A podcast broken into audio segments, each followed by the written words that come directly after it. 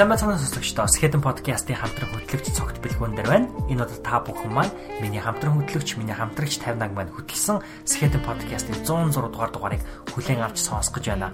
За тэгвэл яагаад 50-аагийнхаа podcast-ийн эхлэлээр би орж ирээд сэтгэлдээ хуваалцж байна вэ гэхээр бит хоёрын удаад нэгэн арай жоохон ондоогоор интрогоо хийж үзээд хамтран хөтлөгч нь нөгөө хөтлөгчийнхөө хийсэн podcast-ыг сонсогчийн зүгээс сэтгэлдээ илэрхийлж энэхүү podcast-ыг та бүхэндээ энэ подкастыг та сонсоод юу авахыг бас мэдрүүлэхийг хүссэн байгаа.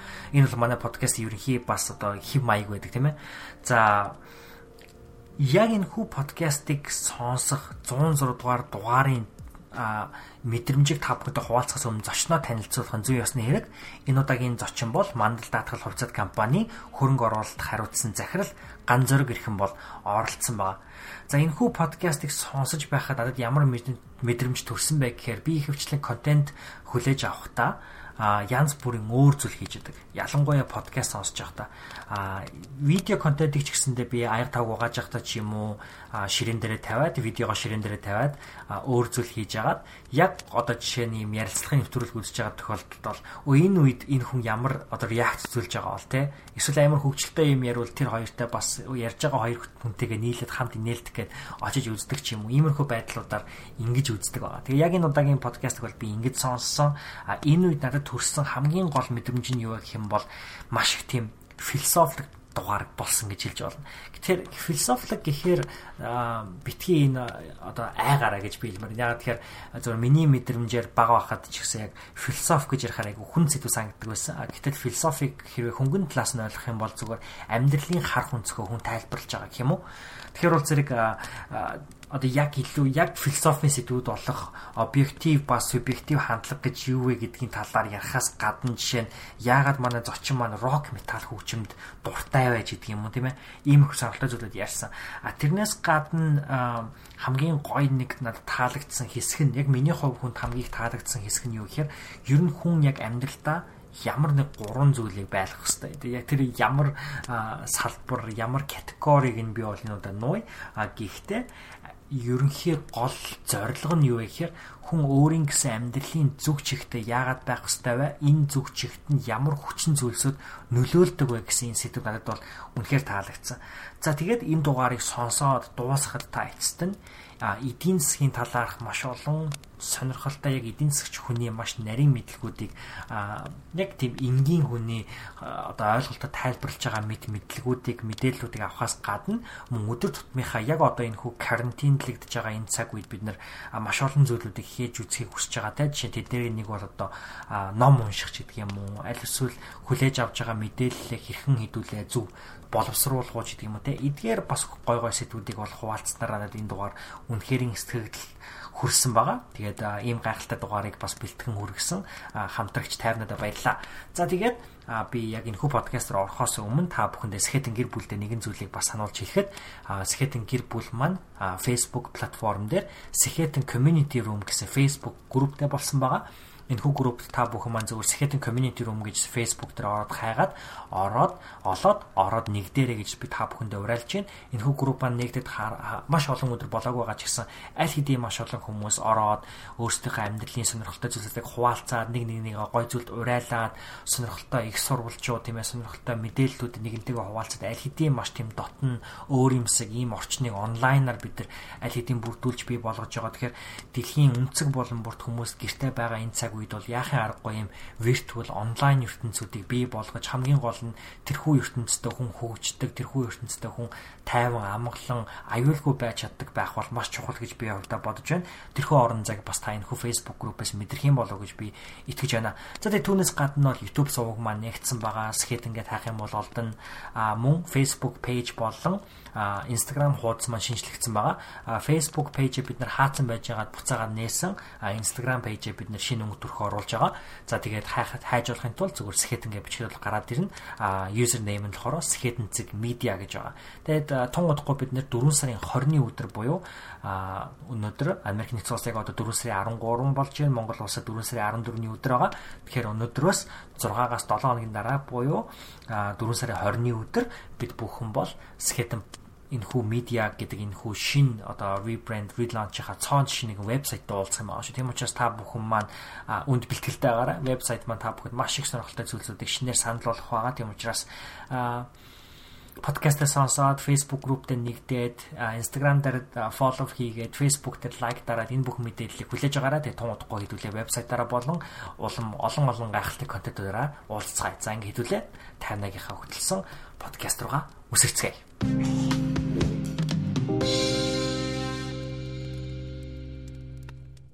Сайн байцгаана уу ихэм сонсогчдоо та бүхэнд энэ өдрийн мэндийг хүргэе. Скетэн подкастын 107 дахь удаагийн дугаараар эдийн засагч ган зэргийг урьж оролцуулаад байна. Тэгээ юун түрүүнд бид бүхний урилгыг хүлээж аваад хүрэлцэн ирсэнд маш их баярлалаа. Баярлалаа.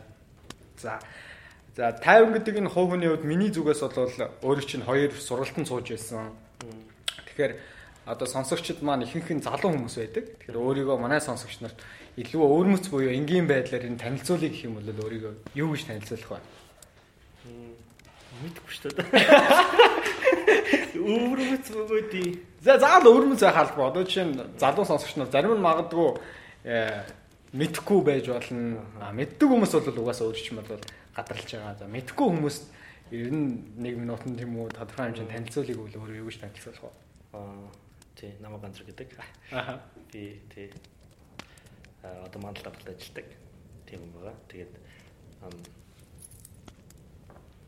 Энэ нэг тийм тийм байгаа. Ган зэрэг мандал даатгалд ажилладаг. Би тэгээ юу яадаг? Найстайгаа нийлж шинжээчийн цай гэдэг нэртэй нэвтрүүлэг Eagle дээр сүүлийн бас 2 жилийн хугацаанд хөтлөөд явж байгаа. А давхар сая нийтлэл бичдэг. Тиймэрхүү юм хип хоббитэй хийдэг тэгээд л.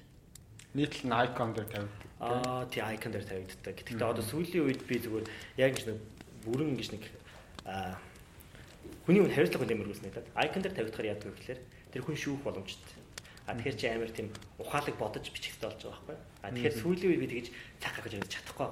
Тэгэхээр яаж нэг зүгээр толгойд орсон бодлоо зүгээр Facebook дээр бичээд идэг болцсон. Тэгээ тэр нь ингээл нэг нийтлэл бичиг болоод идэг болоод идэг. Тэгээ одоо тэр нь зөв юм буруу юм мэдэхгүй. Тийм байгаа юм. Хамгийн сүүлд Facebook дээр яг тэр өөрийнхөө бодогдсон бодлоо сэрүүлж бичсэн бол яг ямар сэдвийг илүү түлхүү хөндөж бичсэн бэ?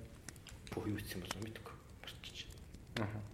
Хамгийн тод үлдэж байгаа Ч юм. Ер нь ямар үед ерөнхийдөө тийм бодлууд илүү түлхүү оруулж орж ирээд түүнийг фэйсбુક дээр за энэ биччихий энэ бодлыг хүмүүст хүргэчихье гэдэг тийм бодлууд нь ихэвчлэн ямар цаг үед орж ирдэг вэ? Аа, юу шүү дээ. А 2 3 юм байдаг. Нэгт яг нийгэм уншаад дуусангууд ийм бичих ёстой гэсэн мэдрэмж төрдөг. Ягаад тэгэхээр би юу гэж ойлгодог вэ гэхээр чи ямар нэг ингэж мэдээлэл ч юм өөртөө авна штэ. А тэгвэл тэрийг чи дотор чанах хэрэгтэй болно.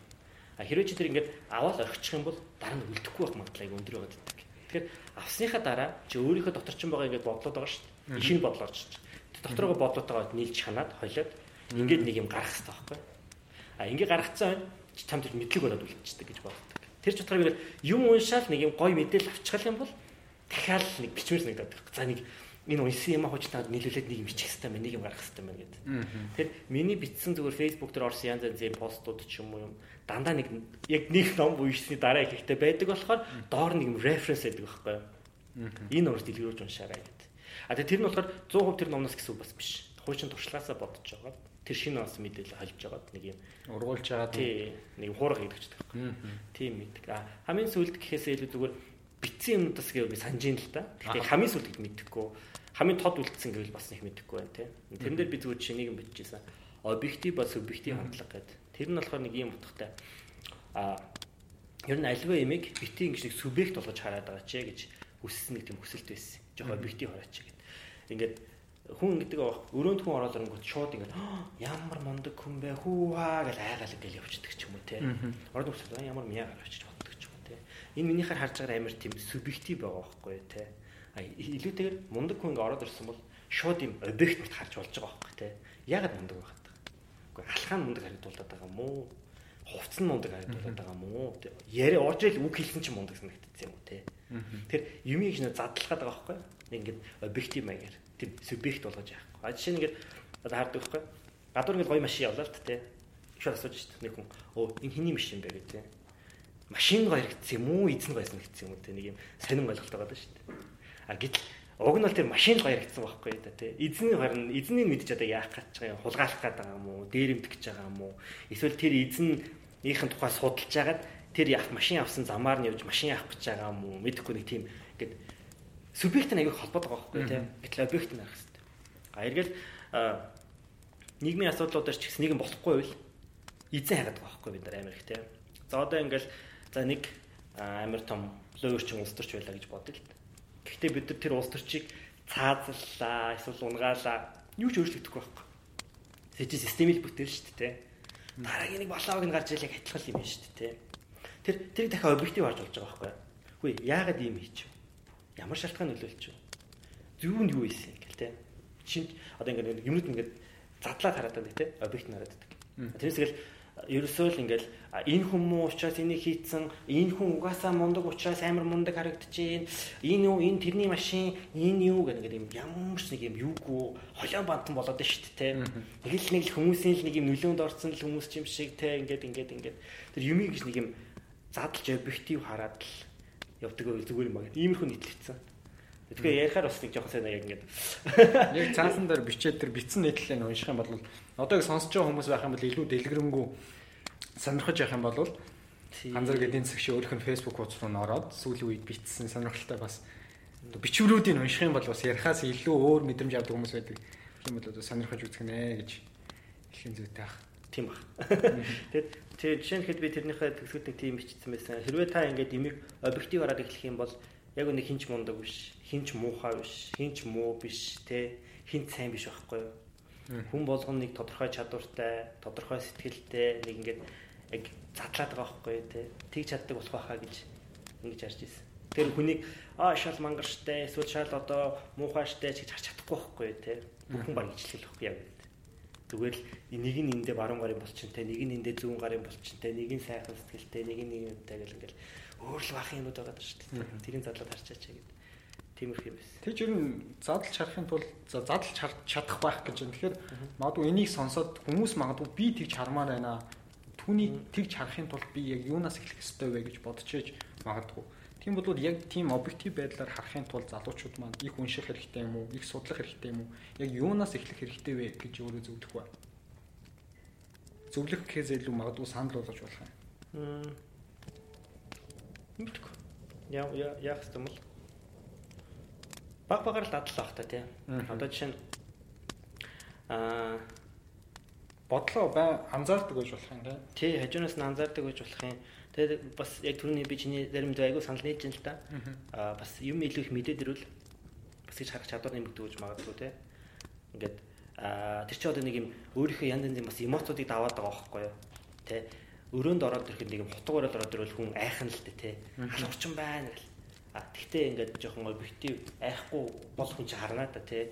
Тэгээд тархин шууд хаагдахгүй байхгүй тий ингээл галуурчин ингээд шууд хаагдахгүй. Юу утгаар одлоо ямар ч үстэй юм бол яах ч юм бол ямар юу игээл явж байгаа юм бол гэдэг ингээд бодох боломж байгаа тий. Тэгэхээр тэр эмоцуудаа жоохон ингээд хойш нь тавьж ер нь сурах хэрэгтэй байж магадгүй. Одоо нэг тийм гэж бодох юм. Зүгээр энэ нэг л өнцөг юм да. Одоо яг бүрэнд тойлж чадахгүй байна яг Өөрөө өөртөө л мэдээж ажил хамгийн сүүлийн хариулт болж таарах. Гэхдээ дөө яаж ажиллах уу гэдэг хамгийн том асуулт тийм. Ямар ч тодорхой хэмжээний бас юм уншиж судлах хэрэгтэй байх. Мэддэгтэй болох хэрэгтэй байх. Гэхдээ мэддэг бол дуусахгүй шүү дээ мэдээж мэддэг. Аваад аваад дуусахгүй. Тэгээ ингээд тодорхой юмнуудыг мэдчих хэрэгтэй байх. Тэгээд дэрс нь хүнийг нөгөө нэг юм дээшээ эсвэл доошоо энэ төр гэж хардаг ер нь болох хэрэгтэй байх. Тэр хандлага бүр ингээд өөртөө дахин дахин ярьсаар байгаа зогсоох хэрэгтэй байх гэж бодоод байгаа байхгүй юу? Одоо хорвоо дээр тийм мундаг хүн, муу хүн, дээшээ хүн, доошоо хүн гэж байхгүй гэдгийг өөрөө ингэж өөртөө хатуу суулгаад бүлээн зөвшөөрөө. Бүлээн зөвшөөрөө. Сайн үйлдэл гэж байгаа, муу үйлдэл гэж байгаа тий. Гэхдээ аа тийм ингээд янз шин чанарууд байгаа байхгүй тий. Би тэгж зүр төсөөлдөг юм зөвүү бүр яг мэдэхгүй шүү энийг одоо тийм яг нэг тийм философийн сургууль муу ч юм уу. Тэр яриад илүү чөлөөт бол өөрсдөө бид үзэл бодлоо уурсгаж байгаа шүү дээ. Зүгээр л миний бол хүн төрөл хүн болгоны ингээд харахаар одоо мэрэгжлийн ур чадвар ч юм уу ингээд юмрууд ингээд хасчих л та тий. Дараас нь тэр хүний ингээд царайлаг байдал мэдлийг нь хасчих. Тэгээ төрөн мөрийг хасчих ингээд ингээд хасаад тахаар хүнд ингээд бүгдээрээ цаанаа нэг тийм аймхай, тусламж гуйсан нэг юм хөрхий нэг юм тий тийм санагддаг байхгүй юу? Би ч тийм чийч тийм байхгүй яг үүндээ тий. Тэгээ би зүгээр нэг Google-ийг нэг дүртэй бодоод чи Ariel мэдхөө нөө нэг Little Mermaid гэдэг Google-тэй байдаг. Тэрэн дээр э, нэг Урсула гэдэг дэсэн төлөв дүр байдаг байхгүй? Тэрний Per Unfortunate Soul гэдэг дуу байгаа. Тэрэн дээр нэг жижигхэн нэг сайн амт гардаг байхгүй ингээд Урсуулагаас ирээд хүслээ биелүүлээч гэж гуйдаг. Урсуула биелүүлж өгдөг, дандаа нөхцөл тавьдаг. Нөхцөл нь биелэхгүй байх юм бол Урсуула өөрийнхөө юм жижигхэн сүнс чинь юм хачин амтан болгож авдаг байхгүй? А тэрийг би зүгээр харахаар яг тэр Урсуула мурсуула тэрний ямар ч хамаагүй зүгээр юу гэж боддог вэ? Хүн яг цаа бүхэн цаанаар ийм л байт юм байна да гэсэн бодол төрдөг байхгүй бүгдээрээ яг ярил шухамлтай бүгдээрээ нэг тийм аимхай ингээл нэг юм те өчүүхэн л охгүй дэх хүн гэдэг чи яг үндэ те. А тэгтээ эргээд бүгднгийн ингээд одоо бас гоё харж болох гэж байгаа байхгүй. Бүгд сайн хүн байж болно. Бүгд муу хүн байж болно. Бүгд сайн хүн байж болно. Хийсэн үйлдэл л алга ингээд төрмөл муу хүмүүс гэсэн юм байхгүй те. Бүгдээ танаа нэг юм хэл юм байгаа угаасаа те. Тэгэл ин тэрэн дээр янз янзын ингээд хоёр ханга юм зүгээд ур чадварууд мадварууд те ямар доктрин зэрэг ямар юуны юу яагаад гайхалтай юуны юуны тим баян ийм мундаг гэх ингээд ингээд ингээд тавьчих шиг. Тэгэхээр ингээд тэр ингээд бүх юм ингээд авч хаяад тэрний жижигхэн юм сөүлинтэй олж харвал гоё юм санагдаад байгаа байхгүй. Тэр хүнээс айхгүй те ингээд ингээд юм байдаг юм болоо да. Үнийг яг хүн гэдэг утгаар нь хүлээж авах ямар чарилцаанд орсон те. Тий, тэр цаад нэг юм нэг юм харж байгаа байхгүй те. Тэгээд Тэгэх юм бол илүүтэйгээр хүнийг аяг их хайрлаж чадах байх чи боддог байхгүй юу? Ягаад тэгэхээр тэр аимшигт муулт хийсэн байсан ч гэсэн би тэр хэсгийг одоо тарчих юм бол би хайрлаж байгаа байхгүй тий өрөвдөж байгаа байхгүй тий ингээд хүн адилхан би харагдаж байгаа байхгүй тий хүн чи яагаад ч өөртөө дуртай штэ аа өөрийнхөө хүүхдээ өөрийнхөө үрдэгдэл юм хайрладаг штэ тэр шиг яг л толны тусгал харагдаж байгаа байхгүй. Өө над шиг айд юм байна над шиг бас гомдд юм байна хүү уйлд юм байна яг адилхан мэдэрт юм биш штэ гэд ингээд тэгж хараад. Тэгээд нөө хүний ингээд одоо янз бүрийн булчингууд нар нь олж харж болно те. Аа яг л надтай адилхан. Гэхдээ энэ хүн намайг бодвол 7 жил доктор хийхдээ зарцуулаад судалгаа хийгээ явуулсан. Энэ талын чиглэл үнэхээр мундаг юм байна те. Би тэрийг мэдж авчих юм байна те. Тэгээс энэ хүн ерөөсөө л мундаг ерөөсөө л муу юм ерөөсөө биш те. Яг тэр чиглэлийг гоё хийцсэн юм байна. Би тэгэхээр яг тэр чиглэлээр энд би юу нэг яриад хэрэггүй магадгүй те зүгээр сонсож ийм туршлагыг хөндлөж гэдэг юм ингээд бүр амар болж байгаа байхгүй юу? Ер нь бол тий хүнтэй ингээд нэг өрсөлдөх гээд байгаа бүрж байхгүй болчихж байгаа байхгүй тий а энэ юм дээр би арай илүү мэдх юм байна. Энэ дээр арай дутуу мэдх юм байна гэл ингээд харьцангуй rationalч болж байгаа юм болоо да ч гэж бодох юм. Тэгээ хүнээс айхаа ойлно. А хүн шүтэж мүтгэе бас болно. Тий тэгэл ингээд нэг юм зөвхөн хүн болгон ижил ингээд юм хардаг юм да Ер нь бол урд өмнө сонсож байгаагүй сонирхолтой өнцөг байна. Сонсогч нарт бас сонирхолтой. Тий, хүмүүс яаль янзаар дүгнж магадгүй тэгээд бид өөрийн л үзэл бодол юм байна. Тий, тий, тий. Аа ганц зэрэг эдийн засгийн хувьд бол англи улсад өөрөө боловсрал эзэмссэн гэж миний хувьд бол мэднэ. Тэгэхээр яагаад англи улсад эдийн засгийн чиглэлээр суралцахаар сонгосон бай? Тухайн үед тийм боломж нь гарч ирсэн үү? Магадгүй өөрийн чинь сонгох англи улсад улсыг сонгоход нөлөөсөн тухай сонголт хийгээд нөлөөсөн өвчин зүйл байсан. Амар мундаг зундаг одоо яг л одоо бурхан тэнгэр заяагаал тийш явуулсан юмс байхгүй. Би багасаа бүгшний эзэн их дуртай байсан. Бүгшний эзнийг гой санагдаад идэг болохоор авиг судалж яадаг. Хоёул бүгшний эзэн тухай яриа шүү гэж чаа. Тэрэн дээр зүгээр бүгшний эзэн зохиолч Толкин гэж хүн байдаг байхгүй юу? Толкин гэдэг хүн Лицийг сурвал багшилж исэн байдаг байхгүй юу? За. Тэг гой санагдаад би Лицийг сурвалж чадсан. Нэг шалтгаан. Хоёр шалтгаан нь болохоор би багасаа амар их metal rock сонсч гисэн байхгүй. Тэр rock хөгжмөнд амар хайртай. Англич их rock хөгжмөр их баялаг. Тэн чи амар бол metal festival болдог. Тэр фестивалд орж мөрөх амар гоё. Тэгэл бас явцсан. Нэг иймэрхүү иймэрхүү шалтгаанаар. А тэгээд давхар зүгээр энэ бол яг нэг сөр хөдөлгөгч хүч нь болж байгаа. А тэгээд энийг нь болохоор нэг үүсэхгүй байгаа шалтгаанууд нь болохоор бас гайгүй сургууль байсан. За тэгээд дээрэс нь англи гэдэг улс чинь боловсрлоор бас дэлхийд нэлээд гайгүй чигсдэг тий. А дээрэс нь англи биш түүхтэй улс Монгол их түүхтэй улс, Англи бас түүхтэй улс. Тэр ч утгаараа бас тэр түүх нь очтмоос нэгдсэн зарим юмнуудыг түүх юмнуудыг тий. Тийм ч болохоор би очно British Museum гэж айгаа шимтэж үзэж байгаа байхгүй. Тийм л байсан. Энд ч би бас нэг Metal Festival давалдчих аймаг. Миний хамгийн дуртай хамтууд нэг Iron Maiden байхгүй.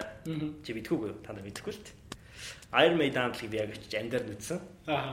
Амар гоёсэн. Тэгэл нь гоё шүү дээ. Тэгээ сонсож байгаа хүмүүс ер нь рок сонсох хэрэгтэй. Юу хачин өөр юм. Яагаад рок сонсох хэрэгтэй гэдгийг санал болгож байна. Рокоос яг ямар мэдрэмж авдаг? Хүн болгоны хувьд өөр өөр мэдрэмж авдаг. Тийм, тийм. Яагаад рок хөгжим холбоот гой санагддаг вэ гэвэл ингэж санагддаг. Ер нь амар emotional. А рок хөгжмийн агуулгууд нэг тийм юм emotional дандаа нэг иймэрхүү юм байдаг. Тэгээд дээрэс нь маш их аялгау байдаг рок хөгжмөд. Гой гой хэсгүүд гараал тэг ингээл дэшээ доошоо ингээл ингээл ингээл. Ер нь симфони чинь би аягүй их хин сонсдог байхгүй. Vivaldi их сонсдог байхгүй. Vivaldi их сонсдог. Тэгээд одоо ингээд Vivaldi бол яг тухайн үеийнхаа юус нэгж байгаа байхгүй. Metal rock хөгжим л байгаа байхгүй тий. Гайхамшигтай. Four Seasons энэ гэдэг дуу байдаг, аян байдаг. Юм болох амар гоё Тэнтэй адилхан тэг амар их аялгау дээшээ доош амар emotion ихтэй би ч их emotion хүн юм шиг байгаа. Тэг тийм хүндлэх тохирдог юм уу яа дээшээ доошоо саваал тэг ингээл ингээл аялгаутай. Тэгээ ингээд rock хөгжим зүгээр ийм байдаг. Зарим хүмүүс сонсдгоо одоо парчгна юм сонсогдоод байдаг. Гэхдээ тийм биш. Сонсож сурдаг юм бэлээ. Яадгүй гэхэлэр тэнд ингээд хүнд heavy metal гэдэг. Хүнд метал багцсан ингээд олон инструментууд буюу хөгжмийн зэмсгүүд нэг дор ингээд давхар давхар яваад байгаа шиг те ингээд ингээд. Тэгээ амар их аялгууд ингээд хүчтэй явчихдаг. Давхар нөгөө нэг дуучин өөрөө нэлээд тийм хүчтэй дуулждаг те. Ингээд эрэнгүүт тэрийг хүний чих ингээд ялахгүй байгаа юм шиг мэдрэмж төрдөг. Тэгэл юу ч болоод байгаа энд нэг гитар дуурал энд нэг бөмбөр дуурал аа гэд юу болоод байгаа юм бэ те. Сонсоод ахаар хүн ялгаас ордог. Тэ аа энэ бөмбөрийн аялгаа нэг бит нь явж байгаа юм байна. За энэ ингээд баз гитар явж байгаа юм байна. Ингээд ритм явж байгаа юм байна. Энэ хэсэг нь бриф нь ингээд гоё аялгуулж юм тэргээд ингээд хараад сонсоод эхэлдэг юм байна л да. Тэгэхээр айгүй их metal rock-ыг сонсдог болчдөг. А дараа нь ингээд хүн metal rock-ыг сонсоод хахаар а зүгээр ингийн ингээд дуу сонсохоор хоосон санагдаад байдаг. Гэх юм уу? Нэг л хөгжмөр те яг нэг тооноор дүн л гэдэг юм шиг мэдэрч байдаг байхгүй. А гэтэл дүн гэж яхад тэр нь дин гэд бас ингээд давхар давхар баймир гооххгүй те. Нэг юм дутуус нэгдэл жоохон аялгыг нэмчихээс жоохон дахиад өөр зүйлсийг тоглож байгаа юм. Тэгж бодогдоод. Эдгт бас миний үзэгч би одоо хөгжим хөгжим биш яг мэдэхгүй ш. Одоо чинь энийг яг одоо рок хамтлаг тоглодог хүн сонсох юм бол ичиж хүмэр ярьж байгаа байхгүй би тий. Хүү энэ хөгжим мэдэхгүй юу худлаа яриад байгаа юм бэ гэдэг. Өөрөө хөгжим оролцож байхгүй байхгүй юу. Энэ бол сонсон. А ямар ч гэхдээ бол гитар бариад бас нэг тайзан дээр оролдож үзэхээс ингэдэг бодлоо байдгүй. Заавал гитар авахгүй шүү дээ, тий. Байсан шүү дээ. Би тэгтээ тэр яг нөө эдийн засгаар хийчдэг. Аа. Би багтаа нэг гоё тийм тайзан дээр тоглож үзэх гэж бодож байсан байхгүй. Тэгж байгаа зүгээр нэг удаа нэг 2000 үнэтэй ивент дээр ихтгэл тавих болоод. Гэтэ яг 2000 байсан уу 1000 ч байсан уу тоолж мэддэг. Гэтэ амар олон байсан. Тэгээ ингээд урд нь гараад явбал ингээд нэг ихтгэл тавиал ингээд хүмүүс аягүй их шамтаал ингээд сонсож байхад надад тийм бодол төрж ирсэн байхгүй. Гэхдээ бас rockstar шиг мэдрэмж авч ийн шүү гэд те. Нэгэд амар олон уу ингээд сонсч чи миний яриг сонсоо тэнд мангар олон хүн хүний дууг сонсох гэдэг гойс гэж байгаатай адилхан шиг бидэрч төрсөн удаа би. Тэгтээ эдийн засаг ярьж байгаа юм чи ямар тийм эмоц авах юм биш амар бодлоо төв зэрэг л те. Тийм. Өдөр тутмынхаа хийдэг ажлаас зарим хүний хувьд болохоор хийдэг нөгөө процесс дундаа түүнээсээ илүү сэтгэлийн таашаал аваад явдаг санагдсан. Зарим нь болохоор нэг ажлын ард гарчаад дууссан тэр үр дүнгээс хүмүүс таашаал авдаг. Өөрөө чи заавал энэ хоёр байх албагүй л дээ. Тэгээ энэ өдөр тутмын өглөө босоод ажилдаа явж байгаа, ороо ирж байгаа. Энэ цаг хугацаанд донд яг юунаас нь илүү сэтгэлийн таашаал авдаг вэ? Өнөөдрийн хийдэг ажлынхаа. Аа би энийг ярихын өмнө дахиад нэг гой хоёлаа нэг юм юм тох яри. За тэгтээ тэрийгээ ярихын өмнө бас нэг юм ядах яри. Тэрний юм гэхэлээ эдийн засгийн юм гэж ингэдэг гинэ. Баах юм ярьдаг гинэ. Тэгээ нөгөө хүн нь сонс сонсч ийсэн нөө За би мэдэхгүй болохоор л ойлгоогүй байж тараа яваад өгдөг гинэ. Тэгээ эдийн засгийн хүмүүс ч амар ядаргаатай ингээ мангар олон юм ярьдаг. Тэгээ нөгөөд ойлголтын ч өгдөггүй тэгэл орчдөг тийм чадвартай хүмүүс гэдэг байгаа байхгүй. Тэгэхээр би ингээд амар хөөр юм яриад байгаа ч юм шиг болчих магадгүй. Гэхдээ би тэгээгүй шүү зүгээр холбоотой. Заавал суур юм ярих хэрэгтэй санагдаад тэгж хоорондоо холбогдох хэрэгтэй юм шиг санагдаад тиймэрхүү юм яриад байгаа. Зүгээр би ингэж хардаг. Амьдралыг юу гэж харж байгаа гэхээр амьдралд чинь нэг цэгээс нэгэд цэг ингээд хүрч байгаа нэг юм зам юм байна гэсэн бодол төрдөг байхгүй юу? яг хүрэх цэг бол биш юм байна. Тэр ингээл чиглэлтэй л нэг юм замаар явж байгаа юм явах процесс юм гэсэн бодол төрж байгаа байхгүй юу? Тэгэхээр одоо юу гэж хэлмээр нэ. Чи ингээд өглөө гэрээсээ гараад явах чиглэлгүй байвал чамд амар сонь заяа. Чи яах чинь те ойлгох гэл бариад хариул яваад ах юм уу яах юм те. Тэгэл нэмрэх чинь хугацаатай юм чи. Тэгээд л чихтэй байх хэрэгтэй юм байна л да. Тэгээ нэг. Тэгэхээр тэр лугаа ингэ шун нэг чихтэй байна гэхээр тэрийг л биелүүлэхгүй бол ингээл бүр тис чадхаа ойлоод бачуураа л гэж бас болохгүй юм байна л. Хэрвээ чи тэр цэгчин юм наан байх юм бол тэгэл хүрээлдэг яах юм те. Чи байрнасаа гараад түц орно гэсэн түн зоригтой байгаа түц рүүгээ ороод нэг модлож авал тэгээ цааш явах. Утгагүй те. Тэр тэгэхээр vision гэдэг ойлголт гарч ирж байгаа байхгүй юу? Компаниудаар ч ярьдаг. Vision буюу алсын яра. Vision гэдэг үгийг орчуулахаар зүгээр нэг юм мөрөөдөл чим шиг ирээдүйн тухай цухас төсөөл харагдаж байгаа байхгүй юу? Тэр хүний амьдрал нэг юм вижн буюу юм ирээдүйн нэг алсын араа байдаг. Нэг юм сайн сайхан ирээдүйн төсөөлөлч юм уу те. Тэгэл тэрийг хараад ингээл яваа л гэдэг байхгүй. Тэгээ явах процесс нөр амьдрал юм байна л дээ өдөр тутмын. Тийм ба. Тэгэл ингээд тэр лугаа яваа. Тэгээ чиглэлтэй амьдрал даваа чиглэлтэй байх хэвээр. Тэгээ тэр чиглэл рүүгээ ингээд явж явах хэвээр. За ингээд явж явах хугацаанд чамд гурван зүйл байх хэвээр гэж боддог байхгүй. Тэр замыг арай нэг юм хэлбэржүүлж идэг те. Арай өөр болгочдөг. Тэр нь болохоор the values, ethics and principles гэх ингээд гурван зүйлийг би боддог байхгүй. Values буюу үнд зүйл. Үнд зүйл гэж юу юм бэ гэхээр хүн төрхөөс ахуулаад тэр нь ингээд суучтын болоо да гэж боддог байхгүй.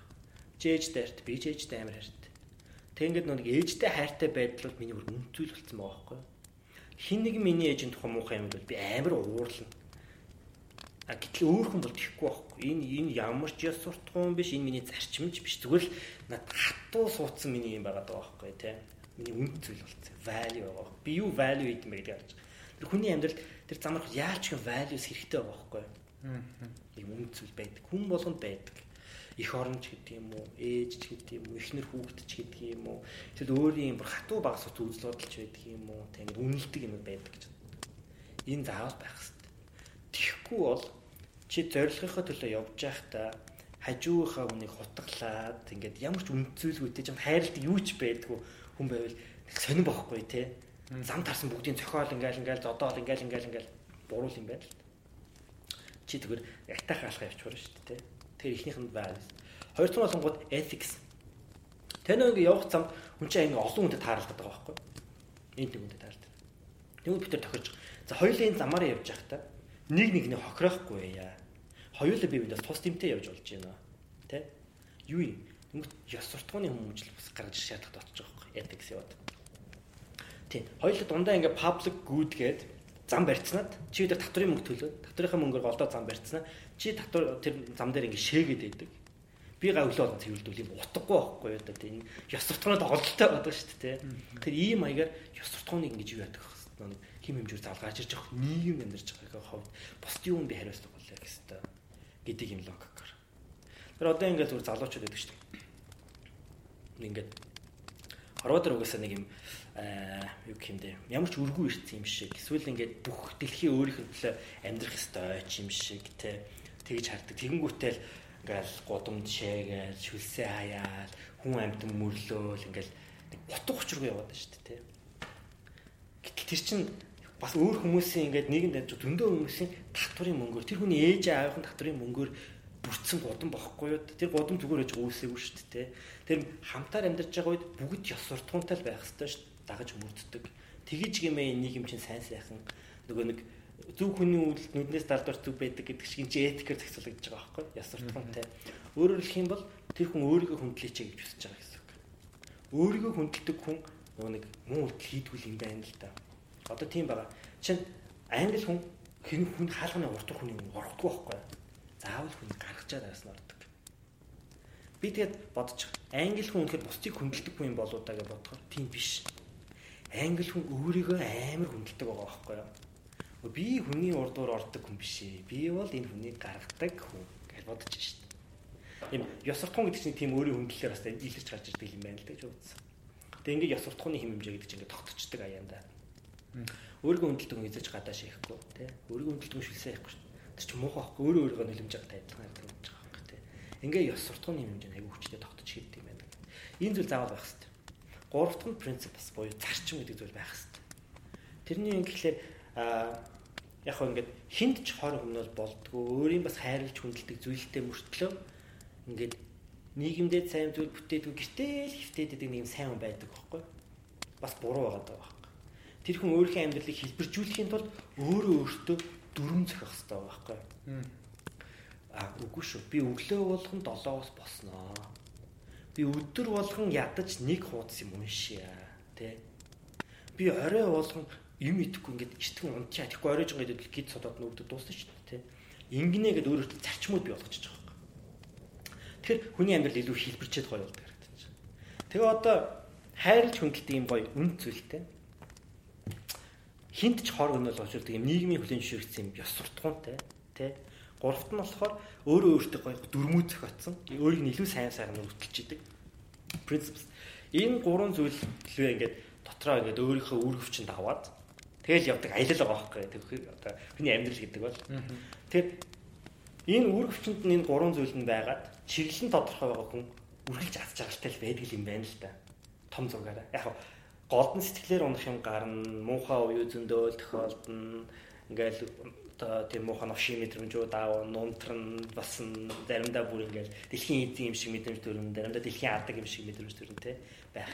Тэгтээ том зур зургийг хаажралтай амьдраад байгаа байхгүй тэр хүн. Баярлаж гомдно уйлын хүн болгон тийм. Тэгтэл аз жаргалтай. Амьдрал нь чиглэлтэй. Байж байгаа л би юу хийх ёстой хүн юм болоо гэл ингээл төөрдөг хүн биш байгаа байхгүй. Тий. Тэр түрүүний хоёлын асуулт рүү гэж бодож байгаа.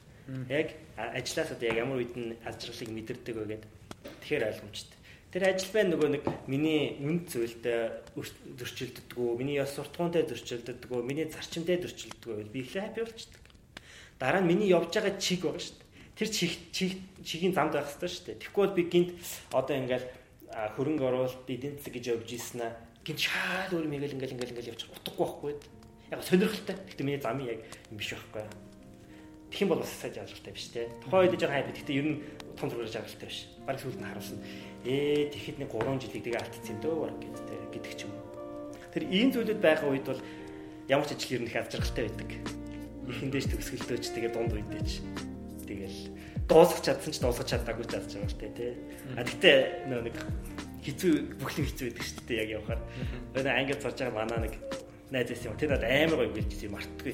Би одоо ингэ хүмүүс аягүй өгнүүдийг мартдаггүй. Тэг өөртөө хэлсэн зүйлүүд мартчихдаг. Гэтэл миний үед ингэ шууд тэр нь аваад зарчим болгочдөг байхгүй өөртөө ингэ.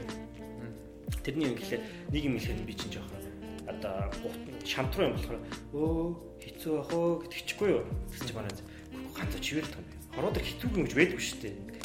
Тэгэл тэрийг мартдаггүй.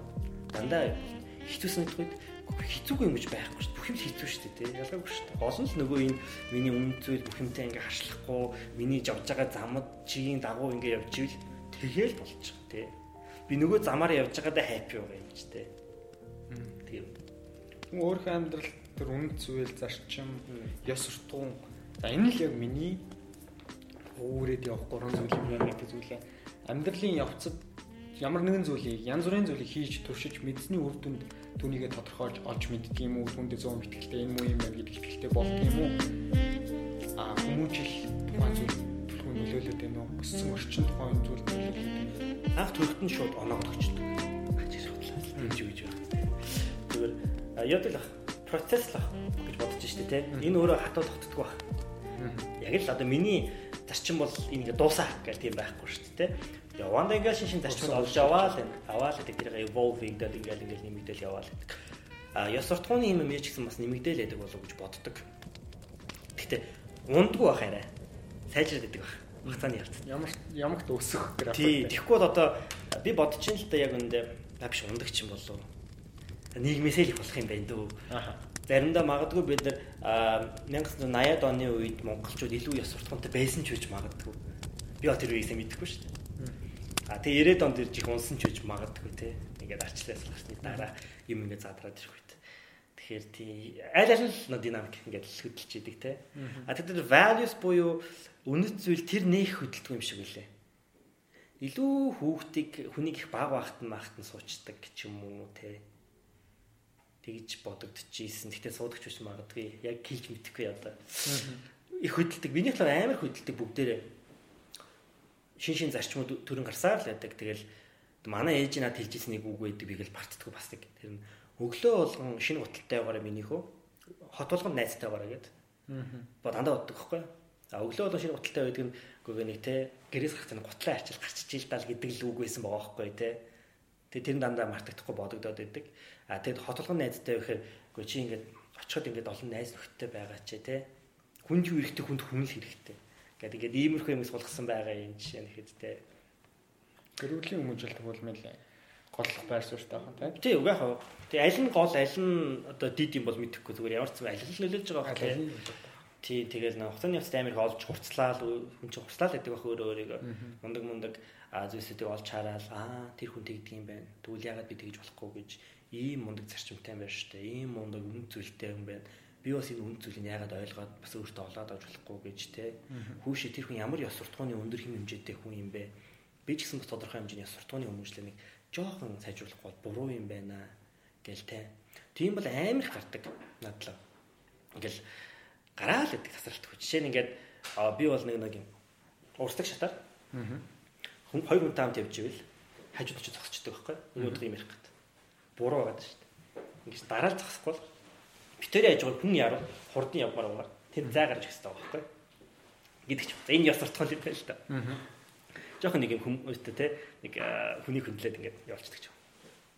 За яг гэхдээ би энэ ёс суртахуун гэдэг дэр хитрхи олон юм бас базаад наагаад ээж магадгүй. Магадгүй нэг ёс суртахуун гэдэг зүйлийг яг шинжилгээ ухаан гэдэг утгаас нь судалдаг хүмүүс байж магадгүй. Тэгэх юм бол эн чинь өөрөө нэг тийм юу болж магадгүй. Айгүй тийм дутуу яриа эсвэл нэг тийм ингээд зарим зүйлийг холсон нийлүүлсэн юмнууд гарсан байж бас магадгүй гэж бодож байна. Тэгэхээр зүгээр л нэг энгийн хүний энгийн хүн зориулсан яриа гэдэг нь бас заавал харах хэрэгтэй байна тий. Яагаад энэ асуултыг асуусан бэ гэхээр маш олон залуучууд зориг надад байна. Гэхдээ би тэр зорилгын хандлага өглөө тэгвэл 7-д босхгүй юм ч гэдэм юм. Яг төлөвлөсөн 7 хоногийн үр бүтээлтэй өнгөрөөнө гэдэг цагуудаа би хийж чадахгүй. Нэг ингээ гацаанд орсон зүйлүүдийг залуучууд их хэлдэг. Гэхдээ би тийм зүйлд хүрмээр штэ. Нөгөө чиглэлээ бол хэлээд байдаг. Тэгсэн мөртөө тэр чиглэл рүү явах тэр заммаа ингээд нэг алхам алхмаар эхний алхмаа хийгээд ингээд явж чаддгүй. Зарим цэг дээр нь очиод гацаад байдаг болохоор Өөрөө бол ар араас нь урсаал тэр зарчмуудыг хаан зүйл ямар нэгэн зүйл авчгаар зүйлүүд байна. Тэрийг ингээд наагаал өөртөө аваад байдаг. Тэгэхээр энэний нөгөө суур шалтгаан би өөрөө юу юм бэ гэдэг зүгээр нөгөө ухаж асуухыг л хүссэн. Магадгүй энэ гэрүүлийн хүмүүжил нөлөөлт юм уу? Орчин нөлөөлч чинь үү? Магадгүй тэр одоо маш олон залуучууд гацчаад байгаа бол тэр залуучууд яах вэ? Магадгүй дахин дахин хийж үзэх хэрэгтэй юм уу? Тэгж яваан дундаа бүрэлдэхүүн зүйлүүд хийж зүгээр сонирхоод хоёлаа ингээ түрүү бүр ярианыхаа ихэнд ярьсан зүйлээс Хүнийг ингээд яг ухаа явахаар цаараа нэг юм нэг юм хөрхилдөөл нэг юм ментал байгаа байхгүй бүгдээрээ л те. Тэр нэг юм үзэл санаагаа бас хатуу суулгаж авах хэрэгтэй болоо гэж бодоод байгаа. Тэгэх юм бол тэр чин өөрөө эргээд хүн юу гэж бодох вэ гэхээр би юу ч чадах юм ээ гэсэн бодол төрөх хэрэгтэй байгаа байхгүй юу. Одоо ингээд хүмүүсийн бүр амар мундаг гэж боддог Америкийн нэгдсэн улсын ерөнхийлөгч Дональд Трамп гэдэг яг надад адилхан санагдаж байгаа Тэр чи яг адилхан хоёулаа л шундалтай, хоёулаа л өргөдөлтэй ингээл ингээл те. Тийм чи би яагаад хийж үзэж болохгүй гэж те. Тэгэхээр тү одоо нэг юм байгаад ихэнх ингээ нөө хийж үзэхгүй ч юм уу урагшаа алахгүй байгаа шалтгаануудын нэг бол айдас байх гэж би бодож байна. Аа би чадахгүй байх, би мэдэхгүй байх. Угаасаа мундаг хүмүүс нь хийдэг. Би чи яагаар юм чи хийхгүй байх оо. Би чин тэгэл гэд ингээд өөрийгөө холдуулж идэг. Тэгээд хариуцлагыг ч өөрөөсөө холдуулж идэг тийм өө тийм мундаг хүмүүс нь асуудлыг шийдэх байлгүй дээ. Би яах вэ? Би яах вэ? Өөрийгөө л нэг талаас айгаад нөгөө талаас ажиллаж чөлөөлөө суугаад идэх ч юм уу те. Тэр бүх хүнийг ижлэхэн штэ гэдэг ингээд хартсны дараа л яагаад би хийж болохгүй гэж. Яагаад энэ энэ шалыг би зүгээр хараад цэвэрлж болохгүй гэж те. Чи бид айд бүдрэл адилхан шүү би л цэвэрлж л те. гэдэг ч юм. Энд нийгмийн нийгмийн асуудал шүү дээ. Яагаад бол би хийж болохгүй гэж те. Яг тэр хүн мундаг юм байгууд аха ороод ирэхдээ хамт л хийе л та те Тэгээд чи илүү мундаг үл хийлтэй би туслаад гоё та тийм. Гэл нэг ийм нэг жоохон хандлагын юм болоод гэж бодож байна. Тэр гацна гэдэг ойлголт бол өөрөө бид нар хэлжсэн шүү дээ. Зориг чиглэл хүрэх цэг биш байхгүй юу те. Амьдрал гэдэг бол чиглэлтэй алхаж байгаа зам байхгүй юу. Тэр гацна гэдэг чинь өөрөө а ойлгомж үнэхээр бүр ингээ явха болчиход байгаа юм уу? Яг нэг байранда байгаад байгаа юм уу? Тэ эсвэл зүгээр нөгөө цэгтээ хүрч чадахгүй байгаагаа өөр нь хац чинь гэж ойлгоцсон яваад байгаа юм шүү дээ. Уг нь урагшаа ингээ алхаад амьдрал гооххгүй тэ. Тэгсээ тэр гацсан гэдэг өөрөө ботцсон. Яг тэр нөгөө цэг нь амар хол тэндээ хүрч чадахгүй болохоор ч юм уу тэ. Тийм байж саж магадгүй зүгээр. Би тэгж бодож чинь тэгээ нэг бас буруу ойлгоод ч юм буруу ярьсан ч ажилласан гэдэг л тэ. Аа Одоо илүү мэрэгчлийн талаас өөрчлөж байгаа. Тэгээ тэгээ. Хүмүүсээс яриад гоё л. Нилээ философийн гүн гүнзгий яриануд руу явчлаа. Гэтэ сонирхолтой байлаа. Яг уу. Нэр нэр. Сонсогч нарт маань бас сонирхолтой байсан гэж бодож байна. Илүү гүн гүнзгий ухаж өөрөө бас зүгээр нэг сонсоод өнгөрөх яриа гэж байдаг. Зарим нь бол өөрөө тэр зүйлийг сонссны дараа тодорхой хугацаанд бас өөрөө өөртөө бодох тийм хариултууд байдаг. Магадгүй өөр өөртөө бодох хариулт байлаа гэж бодож байна. Зүгээр сонсоод өнгөрөх биш. Тэгэхээр одоо илүү мэрэгжлийн үүднээс яг одоо энэ цаг үед коронавирус гараад нэг эдийн засаг тэг хямарч байгаа ингээл хүмүүс хэлгээ эргээд 2007 оны төвшин дүүг очиж जैन дахиад хямрал ингээд дахин давтагдах нэг хүмүүс ээж байгаа. Ер нь эдийн засаг гэж юу юм бэ? Одоо яг энгийн залуу сонсогч нар бид нар одоо сонсож байгаа. Тэгэхээр тэр хүмүүст энгийн үгээр тайлбарлавал ер нь эдийн засаг гэж юу юм? Тэр дундаа макро эдийн засаг нь яг юугаа хэлээд хүмүүс үнийг эдийн засаг хямрлаа, эдийн засаг өслөө гэж мэрэгжлийнхэн яриад байна шүү. Энгийн хүн амьдралтаа үнийг юу гэж ойлгох хэвээр эдийн засаг хямрлаа гэхэд түүний амьдралд яаж нөлөөлөх вэ? Одоо би гинт энд сууж байгаа л 300 жилийн түүхтэй нэг юм шинжлэх ухааны ингээл томьёолоод тодорхойлоод явж байгаа нэг хэрэг. Эсвэл ингээл тэрний хийснээр энэний хийснээр л баахан үүний үз дудлыг нийлүүлээл базаад үгнээд байл бас нэг нэг хэрэг. Тэгэхээр би зүгээр нэг өнцгөл бас хэлж өгье гэж бодож байна. Эдийн засгийг ойлгох нэг өнцөг. Тэрний юм гэхэлэр хүний эготой аяга холбоотой гэж бодож байгаа.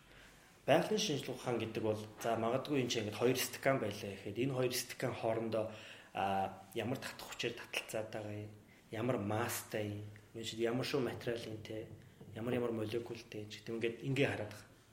Тэгсэн чинь хүн төрөлхтөн чинь мангар эготой юм болохоор бүх юмыг өөртөө холбож боддог юм байл та. Гого энэ хоёр маастай юм байгаа таталцсан. Яд яа намат над юм хэрэгтэй юм хэрэггүй юм те би ингээд усуучлах юм шиг тоххой ингээд хэрэгтэй юм байна. Тэгвэл энэс илүү ширээ хэрэгтэй юм байна. А гэхдээ илүү таац хэрэгтэй юм байна. Илүү байшин илүү хэрэгтэй юм байна. Ингээд өөртөө бүх юмыг бодсон байгаа байхгүй. Ингэнгүүтээ тэр бүх ингээд хэрэгцээтэй байдлуудаа энэ зүйлүүд бүгдэнд нь ингээд оноо өгöd. Энийг 5-аар үлээл, энийг 10-аар үлээл, энийг 20-аар үлээл, энийг амархан баш бүх хэрэгцээнүүдээ ингээд ингээд тоогоор илэрхийлээ те. Тэгэд энэ хэрэгцээ ингээд нэг юм байгаад байгаа байхгүй хэрэгцээ. Энэ хэрэгцээнүүд нь сүулдэ ингээд их нэгээс нөгөө шилждэг нэг өдрийн хэрэгтэй байжсэн хэрэггүй болдог тэ заримдаа энийг би 5 гэдэг үнэлгээгээр үнэлж исэн бол заримдаа энэ надад бүр амар хэрэгцээтэй буюу магадгүй би энэ төлөө 30 гэдэг оноо ч өгөхөд бэлэн болдог ч юм уу тэ ингээд тэгээ ингээд нэг хэрэгцээ гэдэг зүйл нь ингээд янз янз болоод ингээд ингээд үүсэл нэмэгдэл ингээд өөрөө их сонирм ойлголт гарч ирсэн санагдаад байгаа байхгүй. Тэгээ энийг дагаад эдийн засаг гэдэг нэг судалдаг шинжлэх ухаан гарсан байгаа байхгүй. Яг нь эдийн засаг бол шинжлэх ухаан биш ээ гэж бол хэлдэг шинжлэх ухаан мөн ч гэж хэлдэг те тэр нэг гол биш. Том том ял нэг тодорхой гол биш. Тэгээд яг яг тийм нэг судалж байгаа. Тэгэхээр Монголын эдийн засаг гэдэг ярил иймэрхүү юм ярьж болно бид нар. Нэг талаасаа монголчууд хүнд хэрэгтэй хэр их юм хийж чаддаг юм, хэр их юм хийж байгаа юм те. Аа эргээд монголчуудын хэрэгцээг нь тэр нь хангаж чадчих байгаа юм уу? Монголчууд ямар хэрэгцээ байгаад байгаа тэр хэрэгцээг хаанаас хангаад байгаа. А эргээд бид нар хэрэгцээг ямар нэг юмар өөр газараас ингээ хангацсан бол бид нар тэр хүмүүст юу гэж байгаа юм те. Чи бүгдээрээ л юм юу яадаг юм байгаа шүү дээ. Харилцан юм байгаа байхгүй. Чин чамд энэ тийм хэрэгтэй тэр бас надад хэрэгтэй. Тэгвэл ингээд энэ чамд очих шалтгаан байх хэрэгтэй шүү дээ. Би хэрэглэхгүй чи хэрэглэхтэй. Тэр чинь нэг юм шудраг тарчим сурж байгаа гэсэн байх хэрэгтэй байхгүй. Тэгэл тэгээ энэ утгаараа тэгэл нэг хэрэгцээгээс суурилсан юмнууд ороод байгаа. Чинь одоо том төрөөр нарт Монголын эдийн засаг яриа Монголчууд юу эрэхтэй? Монголчууд iPhone утас эрэхтэй байна, унах машин эрэхтэй байна, зөтөөл юм эрэхтэй байна тий. Бид нар үйлдвэрлэж чадахгүй байна. Тэгэхээр бид нар яг өөр хүнийхийг бий болгоцсон юм л авах нь шүү дээ. Өөртөө хэрэгцээг хангах юм л дээ. Тэр буцаага бид нар юу гэх? Ад тарж газар дор баахан нүүрс зисвэсэн. Тэгээд бид нар тэрийг орд нөгөөл за нэг нүүрс ав би iPhone авъя, маа нэг нүүрс ав би нэг машин авъя гэл ингээл явж байгаа. Эдийн засгээс л иймэрхүү юм болоод байгаа байхгүй юу? Тийм тэгэхээр яг нэг ийм асуудал байгаа. За тэгээд энэ эдийн засаг энэ хэрэгцээ гэдэг юм ойлоо жоохон дэлгэрүүлээд нэг Харвардын хоёр судлаачийн бичсэн нэг Experience Economy гэдэг ном байдаг. Joseph James гэх юм байдаг. Тэр номон дээр гарч байгаагаар бол ийм эдийн засаг бол ийм дөрвөн үе шаттай байна гэж харж байна. Тэрний юм гэхэлэр хамгийн ихнийх нь бол commodity гэж байгаа байхгүй буюу товарын үе. Commodity economy гэдэг нь юу ярьж байгаа гэхэлэр хэрвээ чи газраас зүгээр нэг юм random чулуу аваад зардаг байвал чи commodity economy гэж байгаа байхгүй. Энэ тэр хүн хэрэгтэй хэрэгтэй.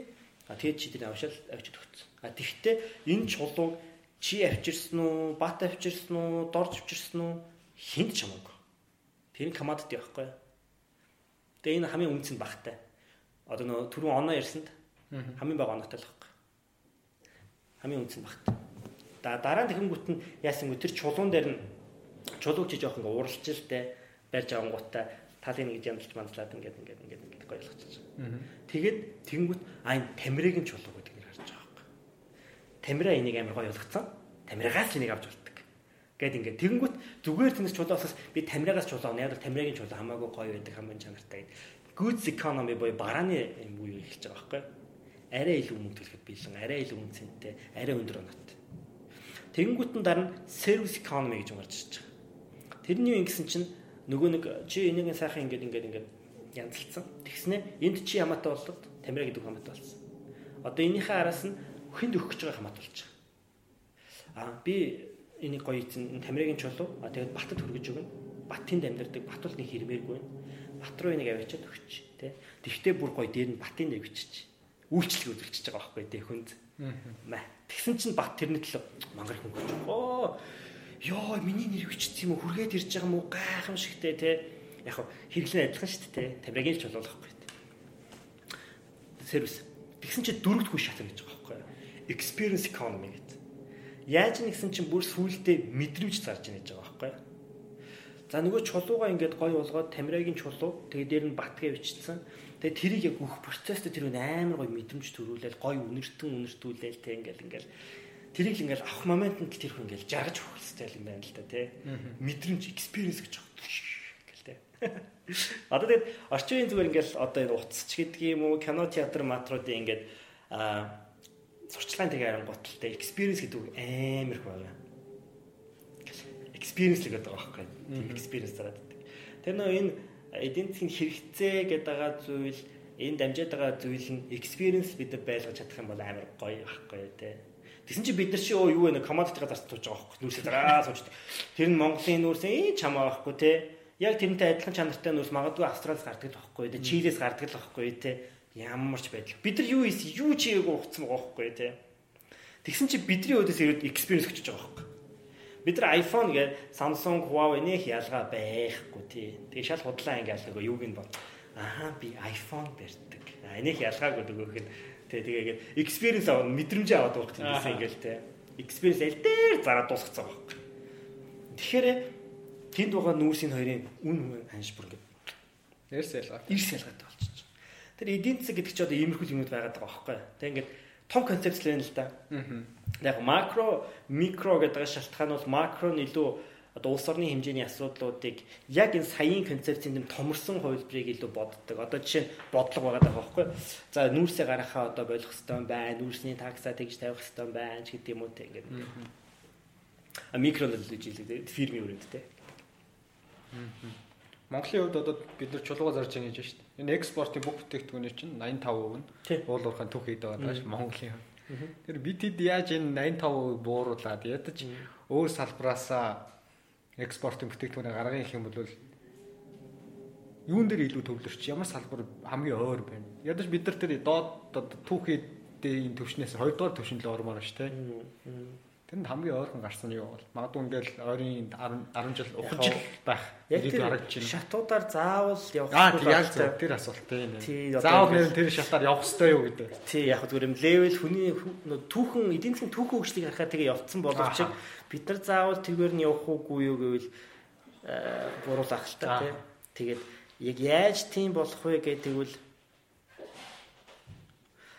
зүгээр ганц үгээр ч юм уу ганц маягаар би том ялж ирээсэж чадахгүй хаа. Ингэчүүл тэгэл болчихно. Тэгэл те. Тэрийг мэддэг чамтан гэж байдгүй баа. Байсан бол ч одоо Монгол хөгжиж байх. Яг олон юм байгаа. Зөндөө юм байгаа. Жишээ би боддог байхгүй? Мм капиталист нийгэмд хоёр чухал юм байгаа байхгүй? Labor market, capital market байгаа байхгүй? Capital market буюу хөрөнгөний зах зээл labor market буюу хөдөлмөрийн зах зээл. Тэр хөдөлмөрийн зах зээл, хөрөнгийн зах зээл гэдэг хоёр зүйл нь зэрэгцэн гэж дээш хөгжиж ийж энэ нийгэм ч бас урагшлах юм байна л да. Гэтэл тэр хөгжил нь аль аль нь жоохон тааруу байгаа юм Монголд. Хөрөнгийн зах зээл бүр байхгүй, хөдөлмөрийн зах зээлийн хөгжил нь бас жоохон уналттай гэдэг. Тэндээс бас харцангай аггүй л да. Одоо бүр заавал нэг тэгж муухай гэж бодоод ингээ хэлчих юм одоо ажил олгох хүмүүс бүгд гомдчих байх тийм байхгүй. Гоё. Тэгээ ингэж байгаа. За одоо чинь хөөх иргэнээс төлөвс бодъё л доо. Иргэн тамираа гэдэг хүн бол чи ажлыг мөнгө олж болно. Зөв. А давхар чи ямар нэгэн хөрөнгөтэй байж мөнгө олж болно. Одоо нэг юм хөрөнгө оруулалтын орлогоор ч юм уу те. Чи тийм хоёроор л мөнгө олж болдог байхгүй. Энэ хоёр зах зээл нь өөрөө шудраг тэгээд зөв ажилдаг байх юм бол чи хөдөлмөрлөө л санааг ойлгож штэ. Маш шудраг хөдөлмөрийн зах зээл байх юм бол зөв урамшуулдаг, зөв ажил хөдөлмөрийн зах зээл яах вэ? Чамар ажиллана штэ. Тэ? Чамайг ажиллуулж чаддаг байх хэрэгтэй штэ. Энэ зах зээл өөрөө. Тэгэх юм бол яах вэ? Гээл хараа энд явж байгаа байхгүй тэ. Яг ямар салбар вэ гэхээс илүү ингээл ингээл үе хаяанд хөгжиж байгаа байхгүй тэ. Бүх юм сайжраад ирж байгаа санаа. Бүх салбар сэргээд ирэх боломжтой. Дараа нь хөрөнгөний зах зээл. Буюу тэгвэл одоо окей би хөдөлмөрлөд ингээд ажиллаж ийн л та. Гэхдээ давхар нөгөө нэг энэ эд хөрөнгөт чи хиний эзэмшил юм бэ те.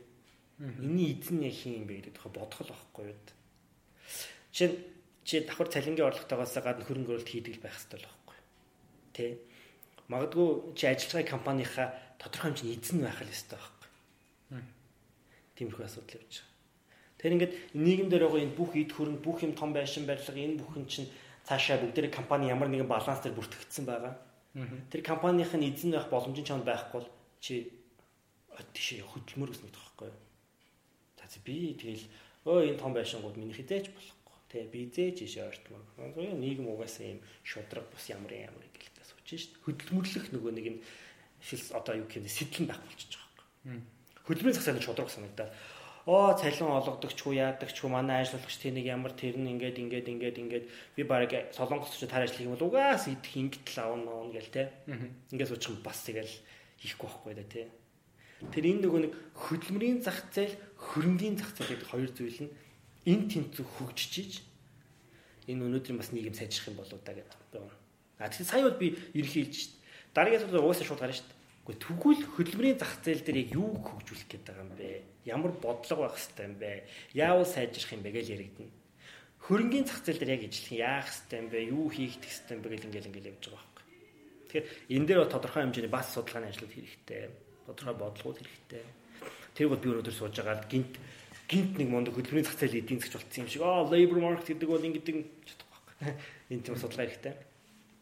Харьцангуй бид хөрөнгөний зах зээлийн тухай гадарладаг Тэрэн дээр бол ялч бодсон бодлууд бол их л байгаа юм. Жишээ нь одоо ямар зах зээл гэдэг зүйл хөгжихийн тулд эхлээд эрэлт үүсэх хэрэгтэй байхгүй юу? Тэ? Гинт нийлүүл тэгэл явагдаж болохгүй шүү дээ, тэ? Хорвоо дээр одоо нэг юм аимшигын хоол байдаг тэр ихийн чийддэг мөртлөл тэрийг ингээл баахан үйлдвэрлэчээл энэгээр чинь тэр хоолоо зарах явуулж болохгүй л байхгүй юу, тэ? Тэр зах зээл гэдэг нь цаана заавал нэг эрэлт нь ихлэ үүсэх хэрэгтэй.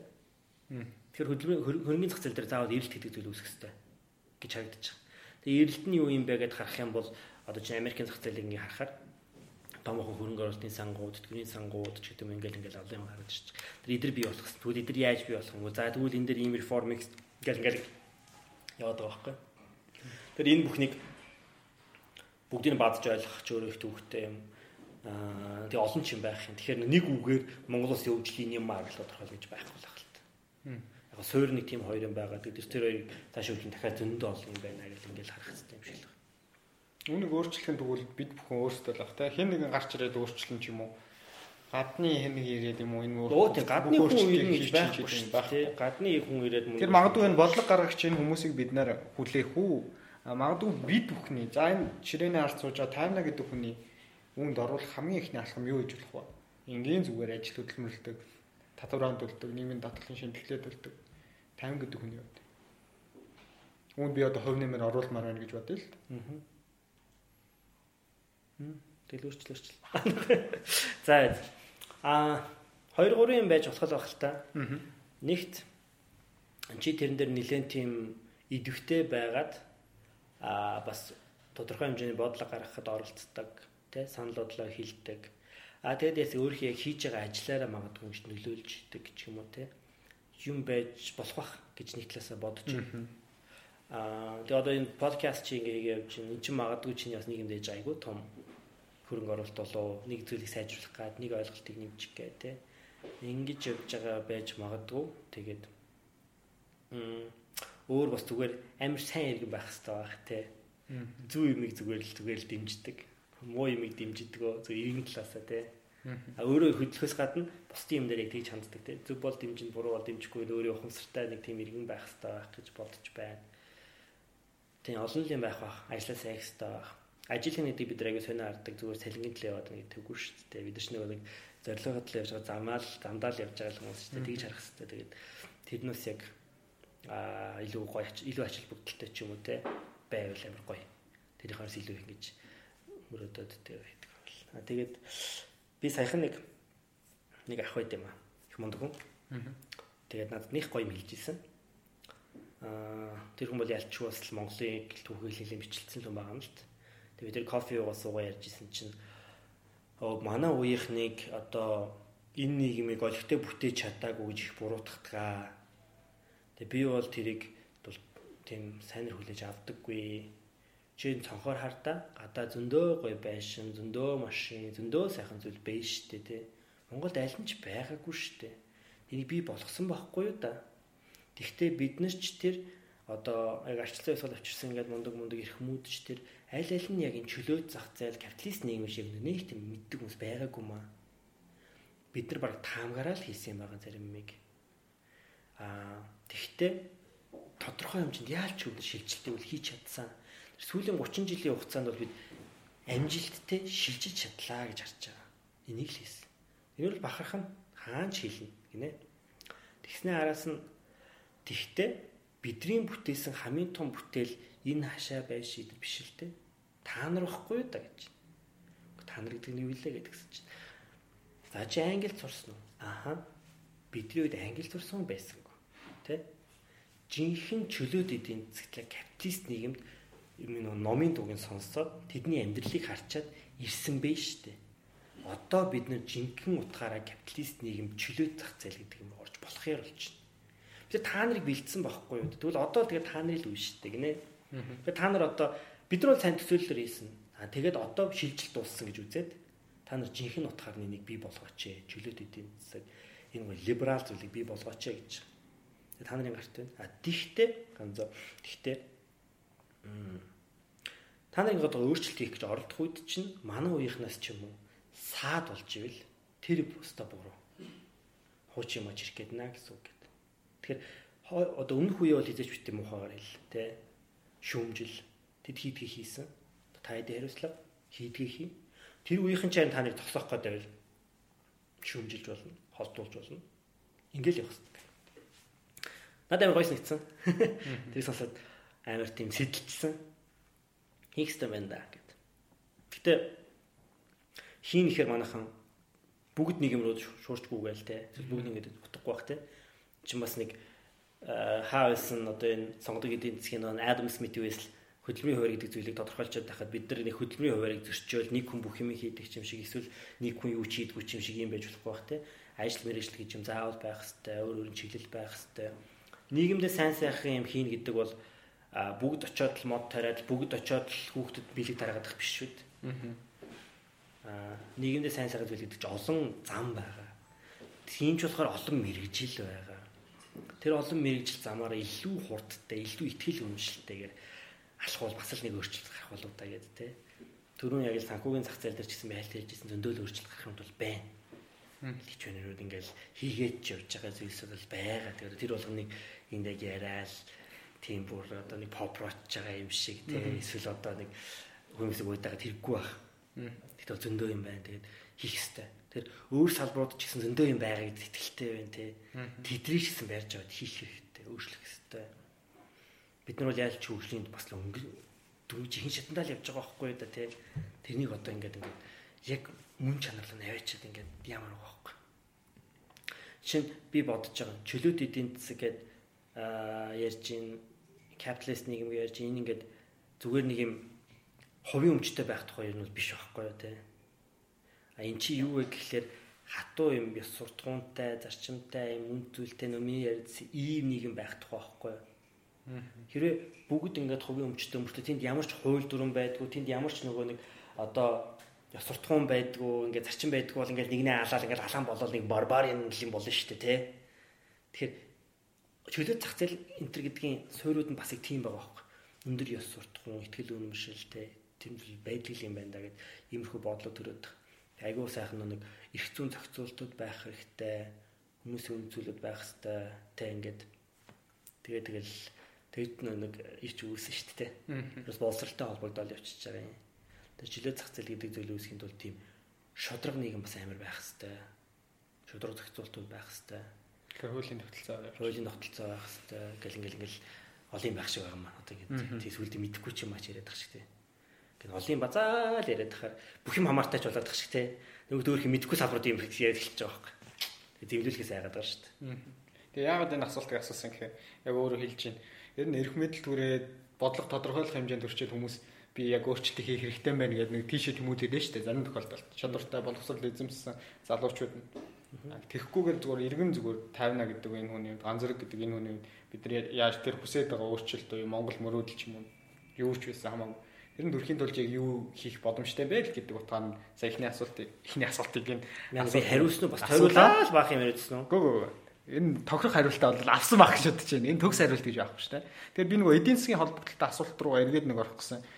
Эдийн засгийн өсөлт үзүүлж байгаа Монгол за 2011 он түүхэн эдийн ханш нэлээд дээд хэмжээнд төрөхөд Монголын эдийн засаг бол түүхэнд байх байгаагүй үе дээр очлоо шүү дээ 17% гэл. А одоо болохоор эдийн засаг 6% гэл явж. Ер нь эдийн засгийн өсөлт үзүүлээд байна гэж яриад хахад энэ яг ямар үзүүлэлтийг ингээд жинлээд хүмүүст одоо яг энгийгээр одоо эдийн засаг 6 өөрчлөө гэдэг нь яг юу хүмүүстийг хэлээд байна нэгт. А хоёр дахь нь эдийн засаг өсөөд байна гэж яриад байгаа мөртлөө Монголын ядуур л чи 28% байгаад байд. Тэгээ хүмүүс нь сонсохдоо эдийн засаг тэлж байна. Манай эдийн засаг өсөж байна 1% 0.5% гэж ярьдаг. Гэтэл энгийн тэр хүний амьдрал тэр нь өөр наалтахгүй байгаа гэдэг. Тэгэхээр энэ нэг тогтолцоог нь би зүгээр ойлгохыг хүсдэг юм л да өөрөө. Би яг өөрөө бас нэг мэрэгжлийн өмш болохоо. Тэгээд өөрөө ч яг тайлбарлаа. Тайлбарлаж өгөөч гэж хүсэж байна юм. Аа эдийн засгийн өсөлт гэдэг ойлголт нь өөрөө ийм зүйл байгаа юм. Эдийн засгийг анх ингээд нэг яг яаж хэмжих хүндрэлт ойлгохгүйсэн байгаа байхгүй юу? Кузнет гэдэг нэг юм Орос эдийн засагч тухайн жил одоо тэр тухайн улсын үйлдвэрлэсэн нэмэн үртэг гэж зүйл байгаад байна. Энэ зүйлээр нь хэмжүүл яасан бэ гэд ийм ойлголт гарч ирсэн байгаа байхгүй. Тэгээ тэрийг нь болонгууд GDP буюу Gross Domestic Product гэдэг юм уу байгаад.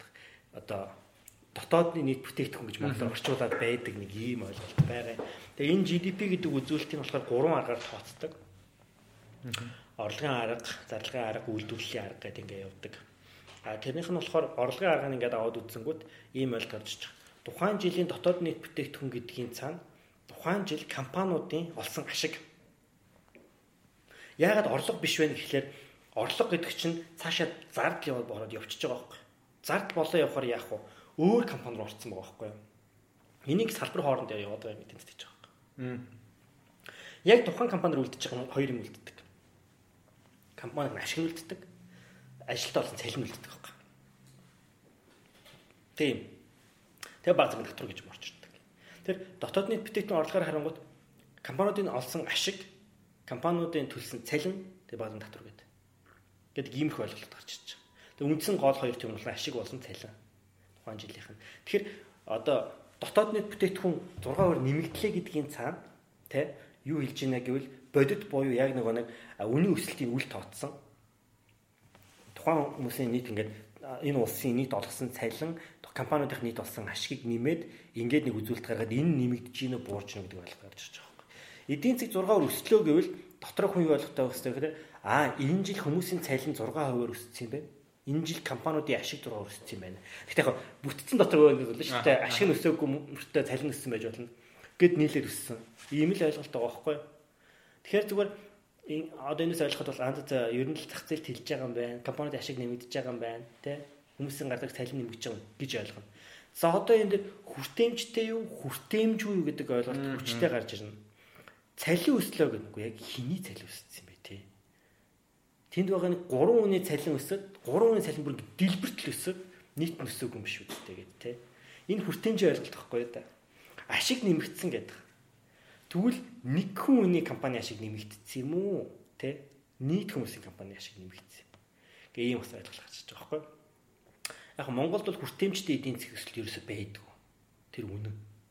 Тэр нь ямар учиртай юм гэхэлэр эдийн засаг өслөө 17 өслөө яг зүгээр нэг юм санамсаргүй иргэн сонгоод авахд бол төдийлөн амьдрал нөөцлөгдөг байхаа жишээтэй. Яагаад тийм бэ гэхэлэр түрүүнбэ бас хэлж ийсэн. Одоо тэр компани ашиг гэдэг зүйл минь илүүтэйгээр манад ч нөгөө нэг хувьцаат компани их цөөхөн дандаа нөө хязгаар хариуцлагатай компани хийхක байгаад байдаг. Тэгэхээр ашиг гэдэг бол нэг эзний явуулчих. Америкт илүү яаж юм гэхлээр ашиг гингүүд нийт олонний ашиг болж байгаа байхгүй юу? Apple компани ашигтай ажиллалаа. Тэрний маш олон хувьцаа эзэмшигч юм гэсэн байхгүй юу? Тийм ээ. Тэгэхээр хүртээмжтэй байгаад шүү дээ. Хүн болгонд наалдаад. Монголд нэг компани ашиг өслөө ганцхан л эзэнтэй. Тэр ганцхан л хүн ашиг яв. Зүг. Тэр хүртээмжгүй гоц. Тэгээд тухайн одоо цалин байвал яг цалин бол харьцангуй Монголд хүн болгонд хүрэлтэж явдаг тийм юу биш. Арай ашиг талаа олно жоох ингэж явдаг. Тийм их асуудал харагдаад. Тэр энэ хүртээмжтэй үгүүл тэтэл тийм биш те. Хүртээмжтэй байхад тэгвэл юу нөлөөлт юм бэ гэдэг тэгвэл ингээл олон юм яриа явчихдаг. Тэ магадгүй боловсрол нөлөөлдөг. Энэ бүхний хэлийг мэддэг байх хэрэгтэй болно. Гэл ингээд. Хөрөнгөний зах зээл нь хэлэх хэрэгтэй болно. Хэлэх хэрэгтэй болно. Гэл ингээд. Тэгээ өөрчлөлт уялдаатай маш олон зүйлүүд араа. Одоо ойлаа тэгвэл яг энэ цаг үеч нөгөө би түрүүчиг хоёр дахь өмнө энэс өмнөх хоёр дахь асуулт нь коронавирус одоо хямрал гэж хүмүүлгээ эдийн засгч бол нэг амнаас гарч байна. Энэ хямралыг зарим нь болохоор ингээ юу хэлбэрийн үсгтэй гэн зарим нь V хэлбэрийн үсгтэй огцом эдийн засаг унаад буцаас иргэнэ гэж ярьж байна. Тэр хямрал гэж юм юу вэ? Хямрал гэдэг нь нөгөө нэг дотоод нийт бүтээгдэхүүн гэдэг сая үзүүлэлт ярьлаа да. Энэ нь хоёр үйлрэл дараалан хасах утгатай хараг хэлж байгаа байхгүй. Буюу хоёр үйлрэл дарааллаад агшсан байгаа байхгүй. Энийг хямрал гэдэг. Ийм ойлголтыг гарч ирээд байгаа өсөлт цаана гэж бас ярьж болно. Тэгэх юм бол энэ өсөлт нь муудсан байж болно. Энэ хямрал биш хэвгүй. Хямрал гэдэг бол яг тийм хасхуулаад идэг бүр ингээд дүг дүг дүг агшаад те. Жишээ нь Монголд хямрал ирлээ гэх юм бол Монголч одоо 2010 2020 онд олсон нийт компаниудын ашиг болон цайл нь 2019-с бага болох гэсэн санаа явж байгаа байхгүй. Энэ бүтэн жилээр нээж хоёр үлрэл дараалаад гэдэг Энийг хямрал гэж хэлээд байгаа. Тэгээ хямрал гэдэг бол хүн төрөлхтөнд шин зүйл биш л дээ. Маш олон удаа дэлхийд томоохон эдийн засгийн хямралууд бий болсон байдаг. Хамгийн одоо алдарт нь Great Depression гэдээ нэрлэдэг. 29 оны яг юунаас хойш бий болсон тийм дэлхийн нийтийн агуу хямрал, их хямрал гэж ярьдаг. Ийм хямрал бол болсон байгаа. Үүнтэй холбоотойгоор маш олон хүн ч одоо барыг амиа оролцсон, тэ хүмүүсийн амьдрал хэцүү байсан, ажил хөдлийн түвшин огцсон, өссөн гэл ингээл ингээл зөндөл олон зүйл байдаг. Тэгээс хамгийн ойрын жишээ юм бол 2008 оны саяын бас бид нар хямралыг дуудаж дутаж болно. Тэнд юу болсон гэвэл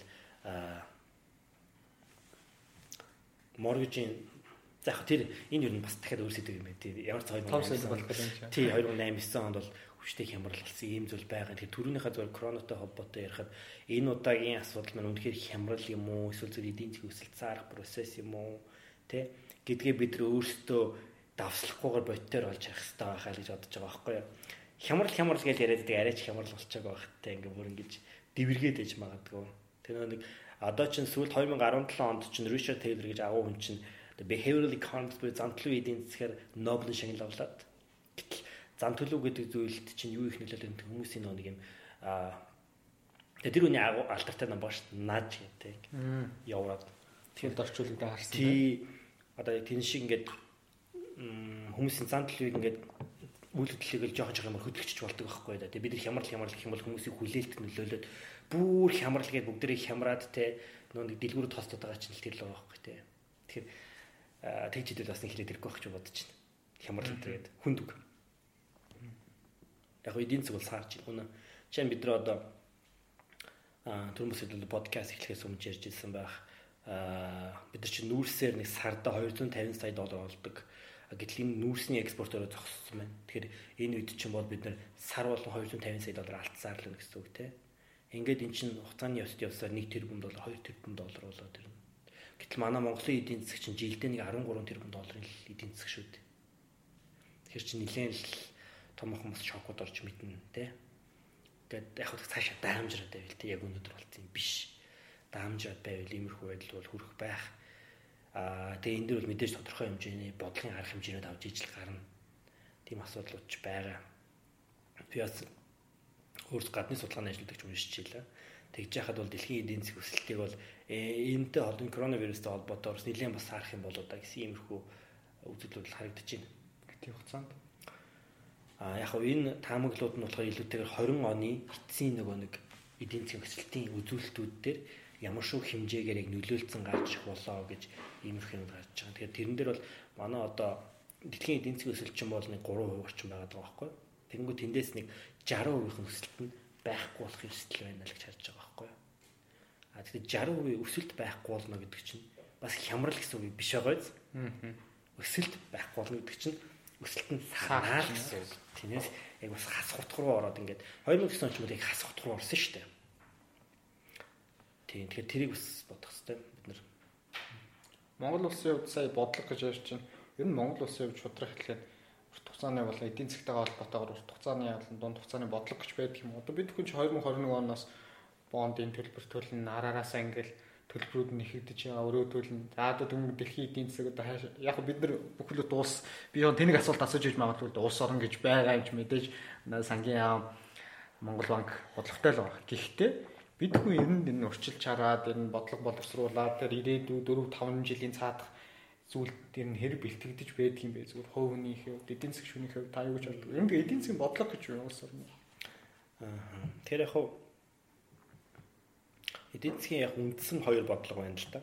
Нэг нь болохоор мөнгөний бодлого, нэг нь сангийн бодлого. Fiscal policy, monetary policy гэх хоёр том бодлого байгаа. Мөнгөний бодлого нь илүүтэйгээр төв банк барьдаг. Сангийн бодлого нь бол сангийн яам барьж байгаа.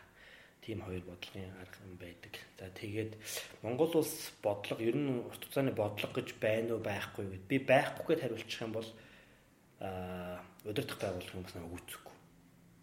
Би байна гэд хариулчих юм бол их ядарч уу иргэн бол намайг үзэхгүй.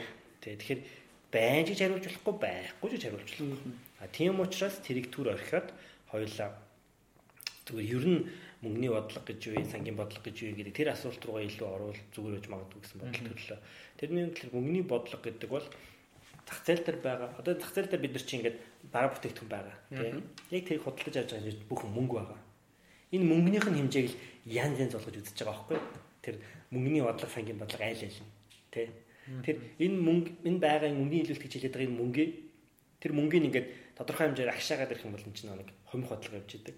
Энийг нэмэгдүүлэх юм бол тэлэх бодлого явж байгаа байхгүй. За мөнгөний хомих бодлого гэдэг хэлээ бодъё л да. Яаж юм гэнгүүт бодлогын хүү нэг хүү гэдэг юм тэд нар тийм арга хэрэгсэл байгаа юм шиг нэгт. Төв банк бодлогын хүү өсөглөө гэвэл төв банк өөрийнхөө зардаг үнэ цаасны хүү өсгөж байгаа буурууллааг л үнцаас нь бууруулчих. Тэгээд ингэж байгаа. Тэр төв банкны үнцаас гэдэг тэр үнцаас нь ямар ч эрсдэлгүй заавал төлөгдөнө. Яг тэр төв банк ч өөрөө төгрөг хөвлөж чаддаг юм чинь тэр чинь ямар ч эрсдэлгүй байхгүй тий. Аа. Тэглэл өгч. За би төв банк бодлогын өсгөлөө гэдэг өсгчингүүд банкуд чинь нөгөө нэг төв банкны үнцаасыг худалдаад авчдаг. Яг тэр нь ямар ч эрсдэлгүй учраас.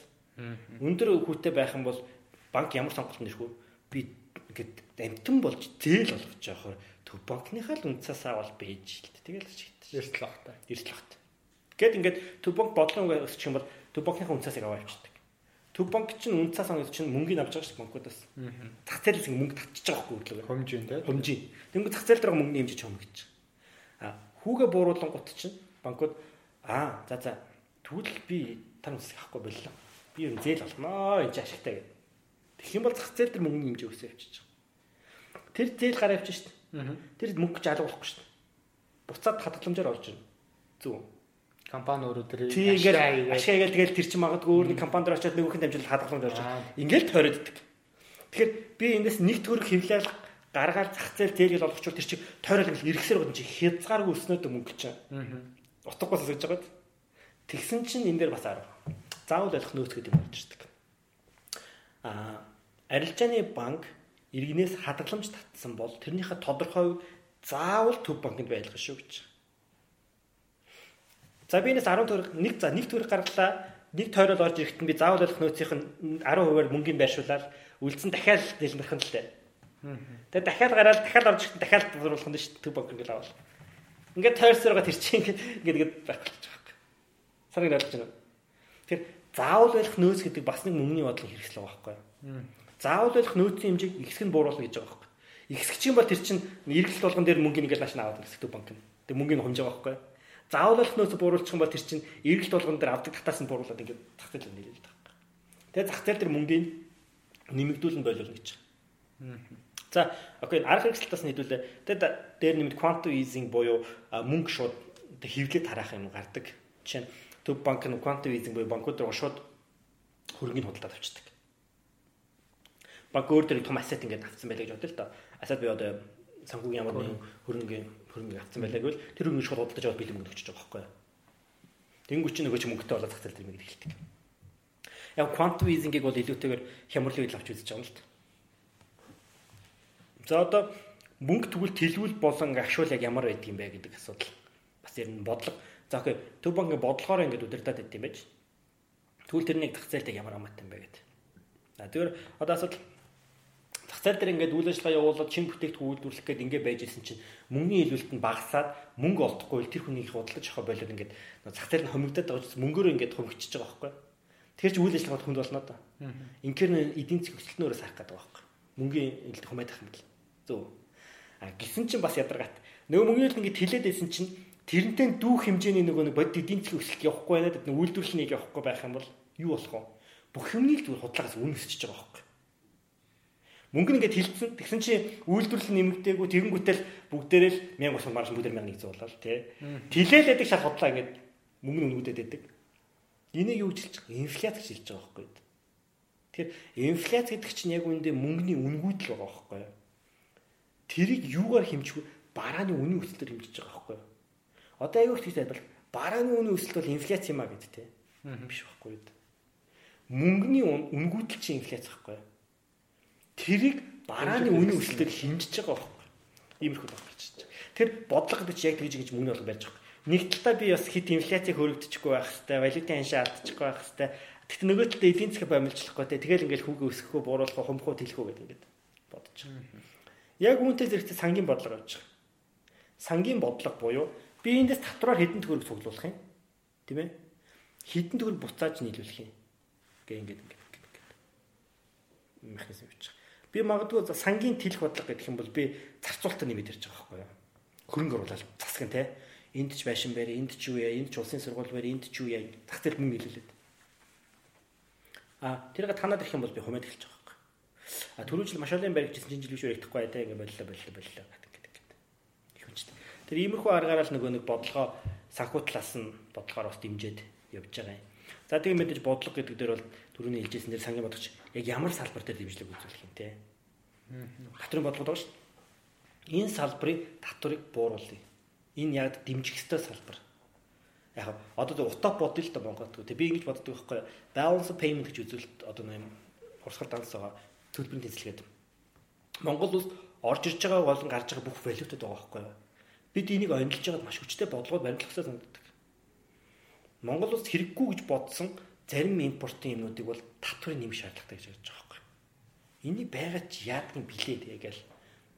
Зарим гарч байгаа гой ингээд ядж байгаа экспортын татврын нойлчмаар байгаа байхгүй. Та нэг бол дэмжин шүү. Монгол бас валют орж ирж байна. Тэгвэл айгүй зүг аргаар тий дэмжин шүү гэдэг.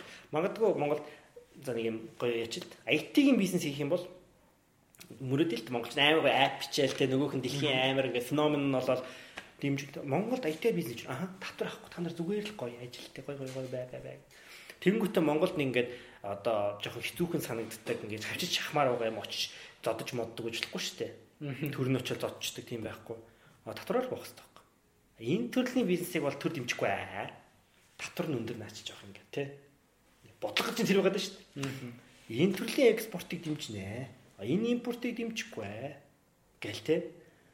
Жишээ нь ингээл Монголчууд мөнгөтэй болохоор юу яадаг гэж баахан л утас аваад баахан л машин л оруулж ирдэг шүү дээ. Яад. Тэгэл баахан виски аваад баахан л тамхи оруулж ирээл тэг. Би бодд яг үнэндээ. Тэг ингэж хэлснээр намайг их олон үдч үзээд ч магадгүй тэрний үгээр бид хаа байсан Шотландаас скотч захиж авчраад Америкаас Jack Daniels ингээл виски авчраад Францаас бренди авчраад тий. Ээ нэг амар баян уулс шиг ачлах хэрэггүй байхгүй. Тэдний дотрыг бүр ингэж тулгамар санагдав. Яах юм тэр Монгол хэлээс тэгээ цаахан цагаа их бол Эсвэргээрээ өөр зарим зүйлийн юмд бид импортыг сайхан бууруулдаг гэж болно татварын тоног төхөөрөмж гэдэг юм уу те. Үйлдвэрлэл явуулах гэдэг штеп бурхан минь те. гэдэг ч ингээд тэг бодлого гэдэг чинь л ил байгаа байхгүй те. Сангийн бодлого, татварын бодлого гэх те. Тэнтэлт мөнгөний бодлого явж байгаа. Бид нар бодлого гэдэг зүйлүүд бол нэлээд наривчилж хараад. Чиг тэр нь хэлжсэн урт хугацааных нь хувьд ч гэсэн богино хугацааны хувьд ч харах хэрэгтэй биш үү?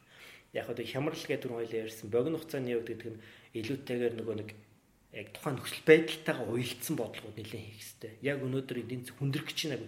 Тэгвэл би одоо яг ямар бодлого байх хэрэгтэй те. Төв банкны энд ийм хийгээд, сангийн яамны энд ийм хийгээд гэдэг ингээд ингээд богино хугацааны гарч ирэх хэрэгтэй. Урт хугацааны стратеги гэж байх хэрэгтэй. Яг бид тэр нэгэн ингэж ам нэсних стратеги болон богино хугацааны гэдэг богино хугацааны үйлдэлүүд ер нь тактик гэж нэрлэдэг байгаа. Урт хугацааны үйлдэлийг стратеги гэдэг юм тийм. Тэр ийм зайлшгүй байх хэрэгтэй гэдэг. Хэрвээ стратеги байхгүй бол дайндаа ялт гэж байгаа байхгүй юу? Маш олон тулаанд ялж болно. Гэхдээ дайнд ялагдчихдаг. Аа тактик байхгүй, мундаг стратегтэй байх бол их удажиж ялдаг дайндаа. Тийм асуудал байна. Тэгээ энэ дээр зөвхөн хоёр жишээ дурддаг юм байлээ. Нэг нь болонгууд Grant гэдэг одоо Америкийн ерөнхийлөгч байсан хүн байгаа. Тэгээ тэр хүн тэр бол мундаг гэсэн иргэний дайн дээр яаж явж исэн, манлайлж явж исэн хүн байгаа. Тэгээ тэр хүн бол ямар ч тактикгүй гэж үздэг юм байна. Яг би одоо нэг тийм түүх судлаа аль алийг мэддэг юм биш. Нэг Хенри гэдэг бас гадны нэг нөхөр надад ярьж иржсэн юм тухай. Тэгэхэд л ойлгож авч ирсэн. Тэрний юм гэхэлэр тэр тухайн Grant гэдэг нөхөр болохоор яасан бэ гэхэлэр аа ерөөс ингэ тулаан булаан нэг ойлгодог мэддэггүй байсан гэж байгаа шал байлдуулаад юугаач ойлгодог. Тэгтээ айгүй зөв газар байлдуулдаг байсан амар стратегтэй байсан учраас дайндаа ялсан гэж. Тэгтээ өчнөө мянган хүний амир тий. А дараа нь Ханибал гэдэг алдартай генералс байж. Тэр нь бүр дээрэд. Цаа чин болохоор их мундаг тулаанч байсан гэж байгаа байхгүй юу? Орсон тулаануудаа дандаа яалдаг тийм мундаг мундаг тактик гээл ингаалаадаг. Тэгээд дайндаа ялагдчихдаг. Тэр нэг урт хугацааны стратеги гэж байхгүй. Яг яаж дайдалах та мэдэхгүй. Тэгтэл орсон болгоноос зодоод байдаг те юу гарал ирсэн байгаа байхгүй те. Тэгэхээр эзэн засгийн хувьд ч гэсэн аль нь харах хэрэгтэй байх. Орт хугацааны бодлого стратеги байх, тэрэндээ уялддаг байх, богино хугацаанаас тактикуудын алхмуудыг бол хийдэг байх тийм ээ. макред тэнцсгээс авахлаа хямрал ярьлаа. Онлайн төвшин яриарлаа. Тэгээд хүмүүсийн хувьд бас Зарим хүмүүс э, баг подкаст биш зүгээр өөрсдөө баг ингээд судлаа зарим яриаг нь авах шаардлагатай зүйлийг цаг орон минутанд маш энгийн үгээр товч тодорхой хүргэсэн байх гэж бол би би бол үзэж байна. Сонсогч нар маань эндээс бас ойлгомжтой мэдээллүүд авсан баг. Одоо тэгэхээр ярианыхын философийн талаар яриад, төвөний хөгжлийн талаар яриад яриагаа эхлүүлжсэн бол яг тэр хэсэг рүүгээ ороод яриагаа төгсгөе гэж бодож байна. Сүүлийн үед ямар ном уншиж байна. Тэгээ өөрөө бас сүүл нэг ном орчуулж гаргасан байсан. Тэр энэ ном уншихад бол өөрөө чи өдөр тутам хийдэг дадал зуршлуудын нэг аль үжи болцоотой хоош шиг тийм зүйл байгаад байна уу? А эсвэл нэг ажлынхаа цаг заваар заримдаа бас эргүүлцдэг ч юм уу. Яг чөлөө цаг зав гарах юм бол тэр ном уншихад цаг зарцуулдаг. Бүр ер нь ном унших хэрэгтэй гэж өдөр тутам түүн зөрүүл цаг гаргадаг. Номны тухай баг. Би нэг бүр амар ном уншдаг юм бол ерөөсөө биш. Тэгэхээр ном уншдаг юм бол ерөөсөө биш ер нь тогтмол уншиж идэг. Тийм. Тэгтээ нэг бүр аддикт биш байхгүй. Тэгээд яг ном унших юм гоё гэдэг гэхээр толгой би гэж одоо толгойн цаа шинэ мэдээлэлд орж явах хэрэгтэй гэж боддог байхгүй. Тарих ингэ шинэ мэдээлэл орохгүй болохоор өөрөө өөрийнхөө ботлыг идээд идэх санагддаг байхгүй. Би тэгээ энийг зөв өөрөө нэг үг олцсон.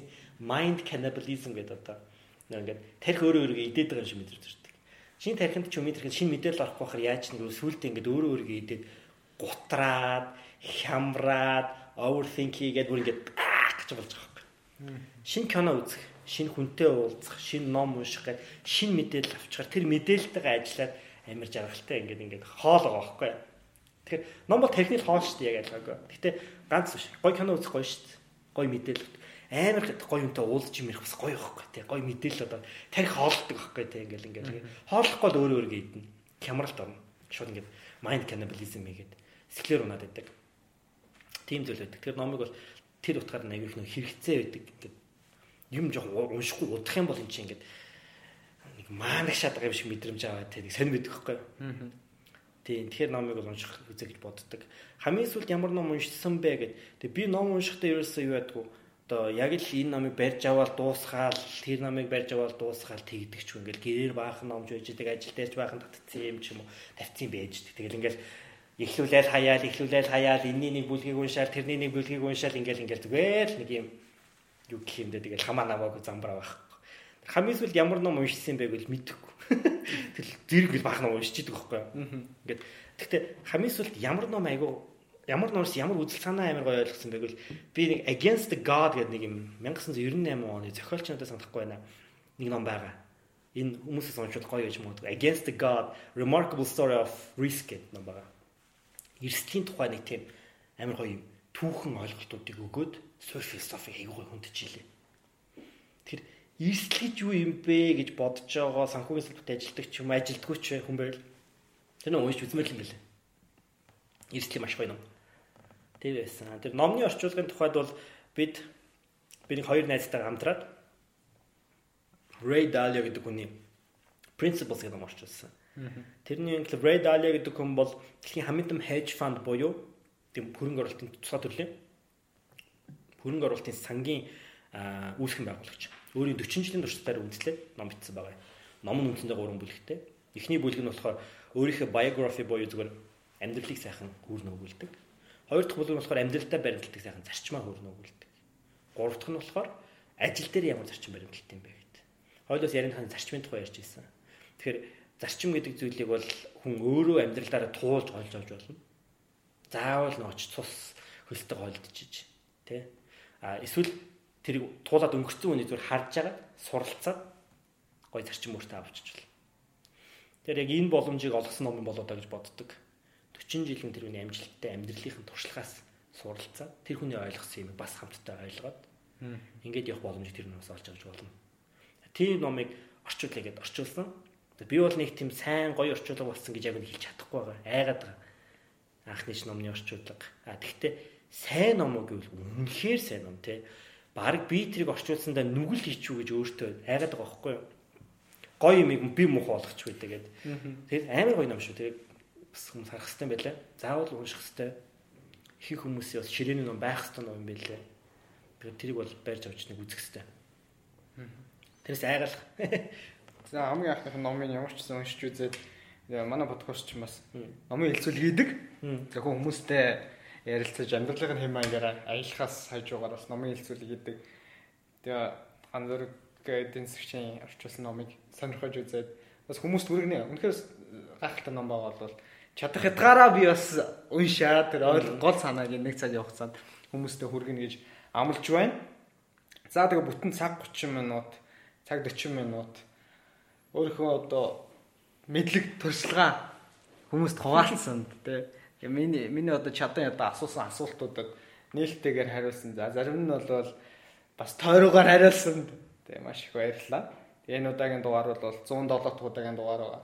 Ер нь тэгээ яагаад энэ удаагийн дугаарыг илүү онцолж хүмүүст хүргээд байгаа юм бэ гэхээр мөнгөтэй харьцаж байгаа хүн болгон ер нь санхүүгийн талаар, эдийн засгийн талаар заавал тэр мэрэгчлэр ажиллахгүй байсан ч хүн болгон өдөр тутам мөнгөтэй мөнгөтэй харьцаж байгаа болохоор тэр талын ойлголттой байгаасаа, сүр мэдлэгтэй байгаасаа гэдэг зүйлийг бас хөндлөхийг хүссэн. Тэгээ тун удахгүй бас яг энгийн хүний гар дээр хэрэглэхэд ойлгомжтой team application гэх санхүүгийн application гарч байгаа юм байлаа.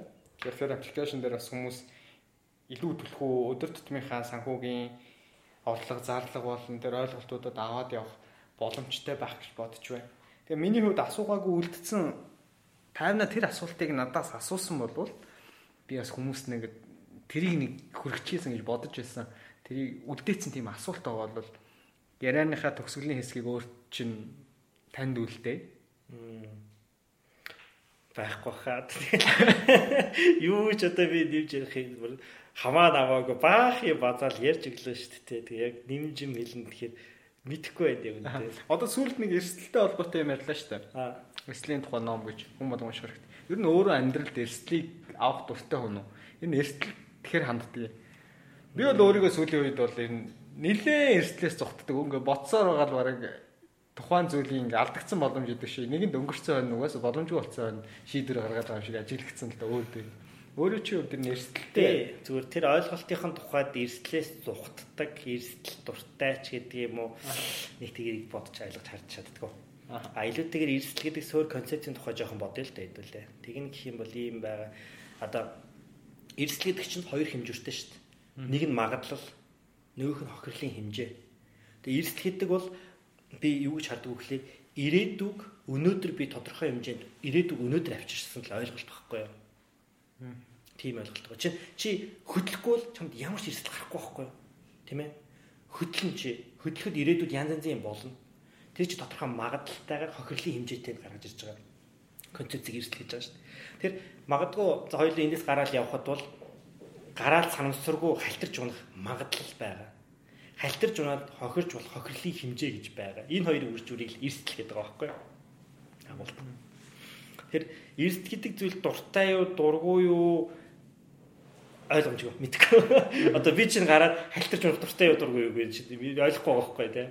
Эсвэл одоо халтарч унах магадлал дуртай юу, хохирлтын дуртай мэдгүй нэг л ойлгомжгүй. А илүүтэйгээр би гараад эрслээ үнэлж чадчихна уу гэдгийг харах хэрэгтэй байна л да.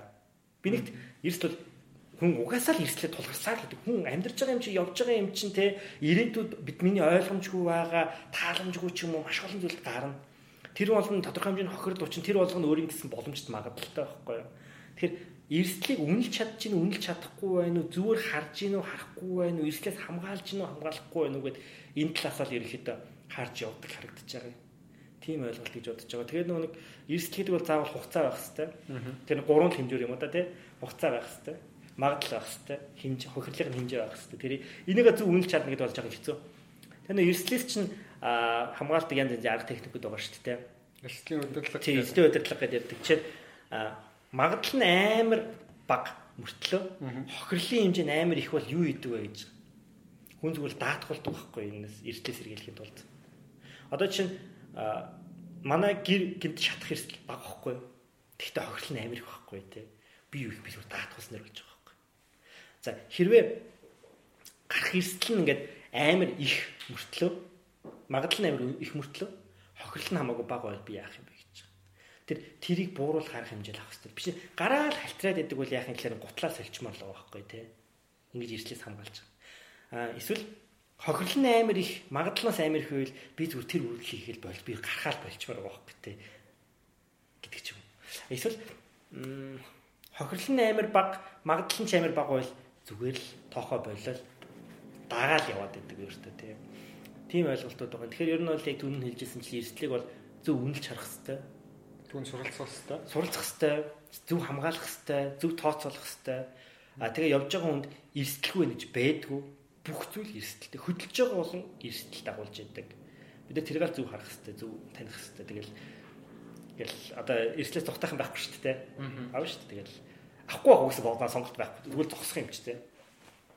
Тэгэл эрсдлийг зөвл харах хэрэгтэй. Гэтэ хит нөгөө нэг одоо өөрөө дааж чадахгүй эрсдлийг хүн аваад хэрэггүй байхгүй тийм. Жишээ нь миний магадгүй цалин өөрөө за сая төгрөг байлаа гэвэл би нэг өдөр сая төгрөгөөр одоо гэмбл буюу мөрөд тогж болохгүй байхгүй. Энэ би өөртөө хитрхи юм эрсд авч байгаа байхгүй тийм магадгүй одоо за хувьцаа хүмүүс аав хөрний цэцэлд орно гэж ярьж тэр тодорхой эрсдэлтэй шүү дээ. Мөнгө нь алга болох магадлал байгаа байхгүй. Хохирлын хэмжээнд ойлгомжтой оруулсан мөнгөөрөө тий. Тэглээхэд би орлогынхоо баг 80% очиод хөрөнгө оруулалт хийгээл буруу шүү дээ тий. Хэрэглээдээ зарцуулах хэрэгтэй шүү дээ. Тэгж өөрийгөө нөө эрсдэлж болохгүй байхгүй тий. Тэгээ ингээд эрслээ зөв үнэлж харах хэрэгтэй, зөв өдөрдөх хэрэгтэй. Эрсдэл тасралтгүй хүний ингээд дүүхэн ингэж ингэж байж байгаа. Тэгээд зөв номын тухай ярьлаа шүү дээ. Remarkable story of the risk гэдэг тэр номон дээр болохоор жишээ нэхэд грекийн түүх энтрийг харуулж байгаа байхгүй. Хүндрэлтэй анх нөгөө нэг эрсдлийг ойлгосон мөртлөө хүлээн зөвшөөрч чадаагүй гэж гардаг юм. Тэр их гоё. Яасан гэсэн чи грекчүүд магадлалын тухай ойлголт авсан байгаа юм. Ирээдүйн тухай ойлголт авсан байгаа. Тэгээ нөгөө нэг үнэнд ойртох хов гэдэг өөрсдөө нэг тэгж ярьдаг те. Аа чи үнэнд ойртох хувь арай ч гэдэг юм ойлголт юм байдаг. Тэгсэн мөртлөө ирээдүгээ яасан гэхээр Oracle гэдэг одоо тийм лам хүмүүс ч асууж байгаа байхгүй. Итгэл үндэслэн юм бурхан гэж байгаа. Тэгээд тэгэхээр нөө нэг ирээдүгээ эрслээ зүг өдөртөхгүй хүнээс ч асууж байгаа байхгүй. Би ер нь явал яах вэ гэж шиг те мэдэхгүй шүү дээ. Чи эрсдэл байгаа шүү дээ. Эрслээ өдөртөх шүү. Ойлголт нь байсан мөртлөө одоо нэг өөртөө суулгаж хүлэмжээр чадаагүй юм шиг байгаа эртний хүмүүс. Яг цаг хугацааны явцаар харьцангуй ингээд нөө өдөр тутмын амьдралд нь яг хэрэг болоо л ингээл ингээл ингээл одоо бол хүндрэлт бол эрсдлийн тухай ойлголт бол маш хүчтэй хөгжсөн Тэгээ бүр эрсдлийн соёлч гэж хэлдэг шүү дээ. Гэж нэг эрсдэл гэдэг зүйлийг бүр ингэж ухамсарлаж амьдралын хэсэг гэдгээр нь хүлээж авдаг болж जैन тэгээд зөвлөдөө. Тийм байх хэрэгтэй тэгэл. За маш их баярлалаа. Тэгэл нэг юм жижиг юм ярьс баах юм яриад. За second podcast 170 дахь удаагийн дугаарыг э, сонссон сонсогч та бүхэнд маш баярлалаа.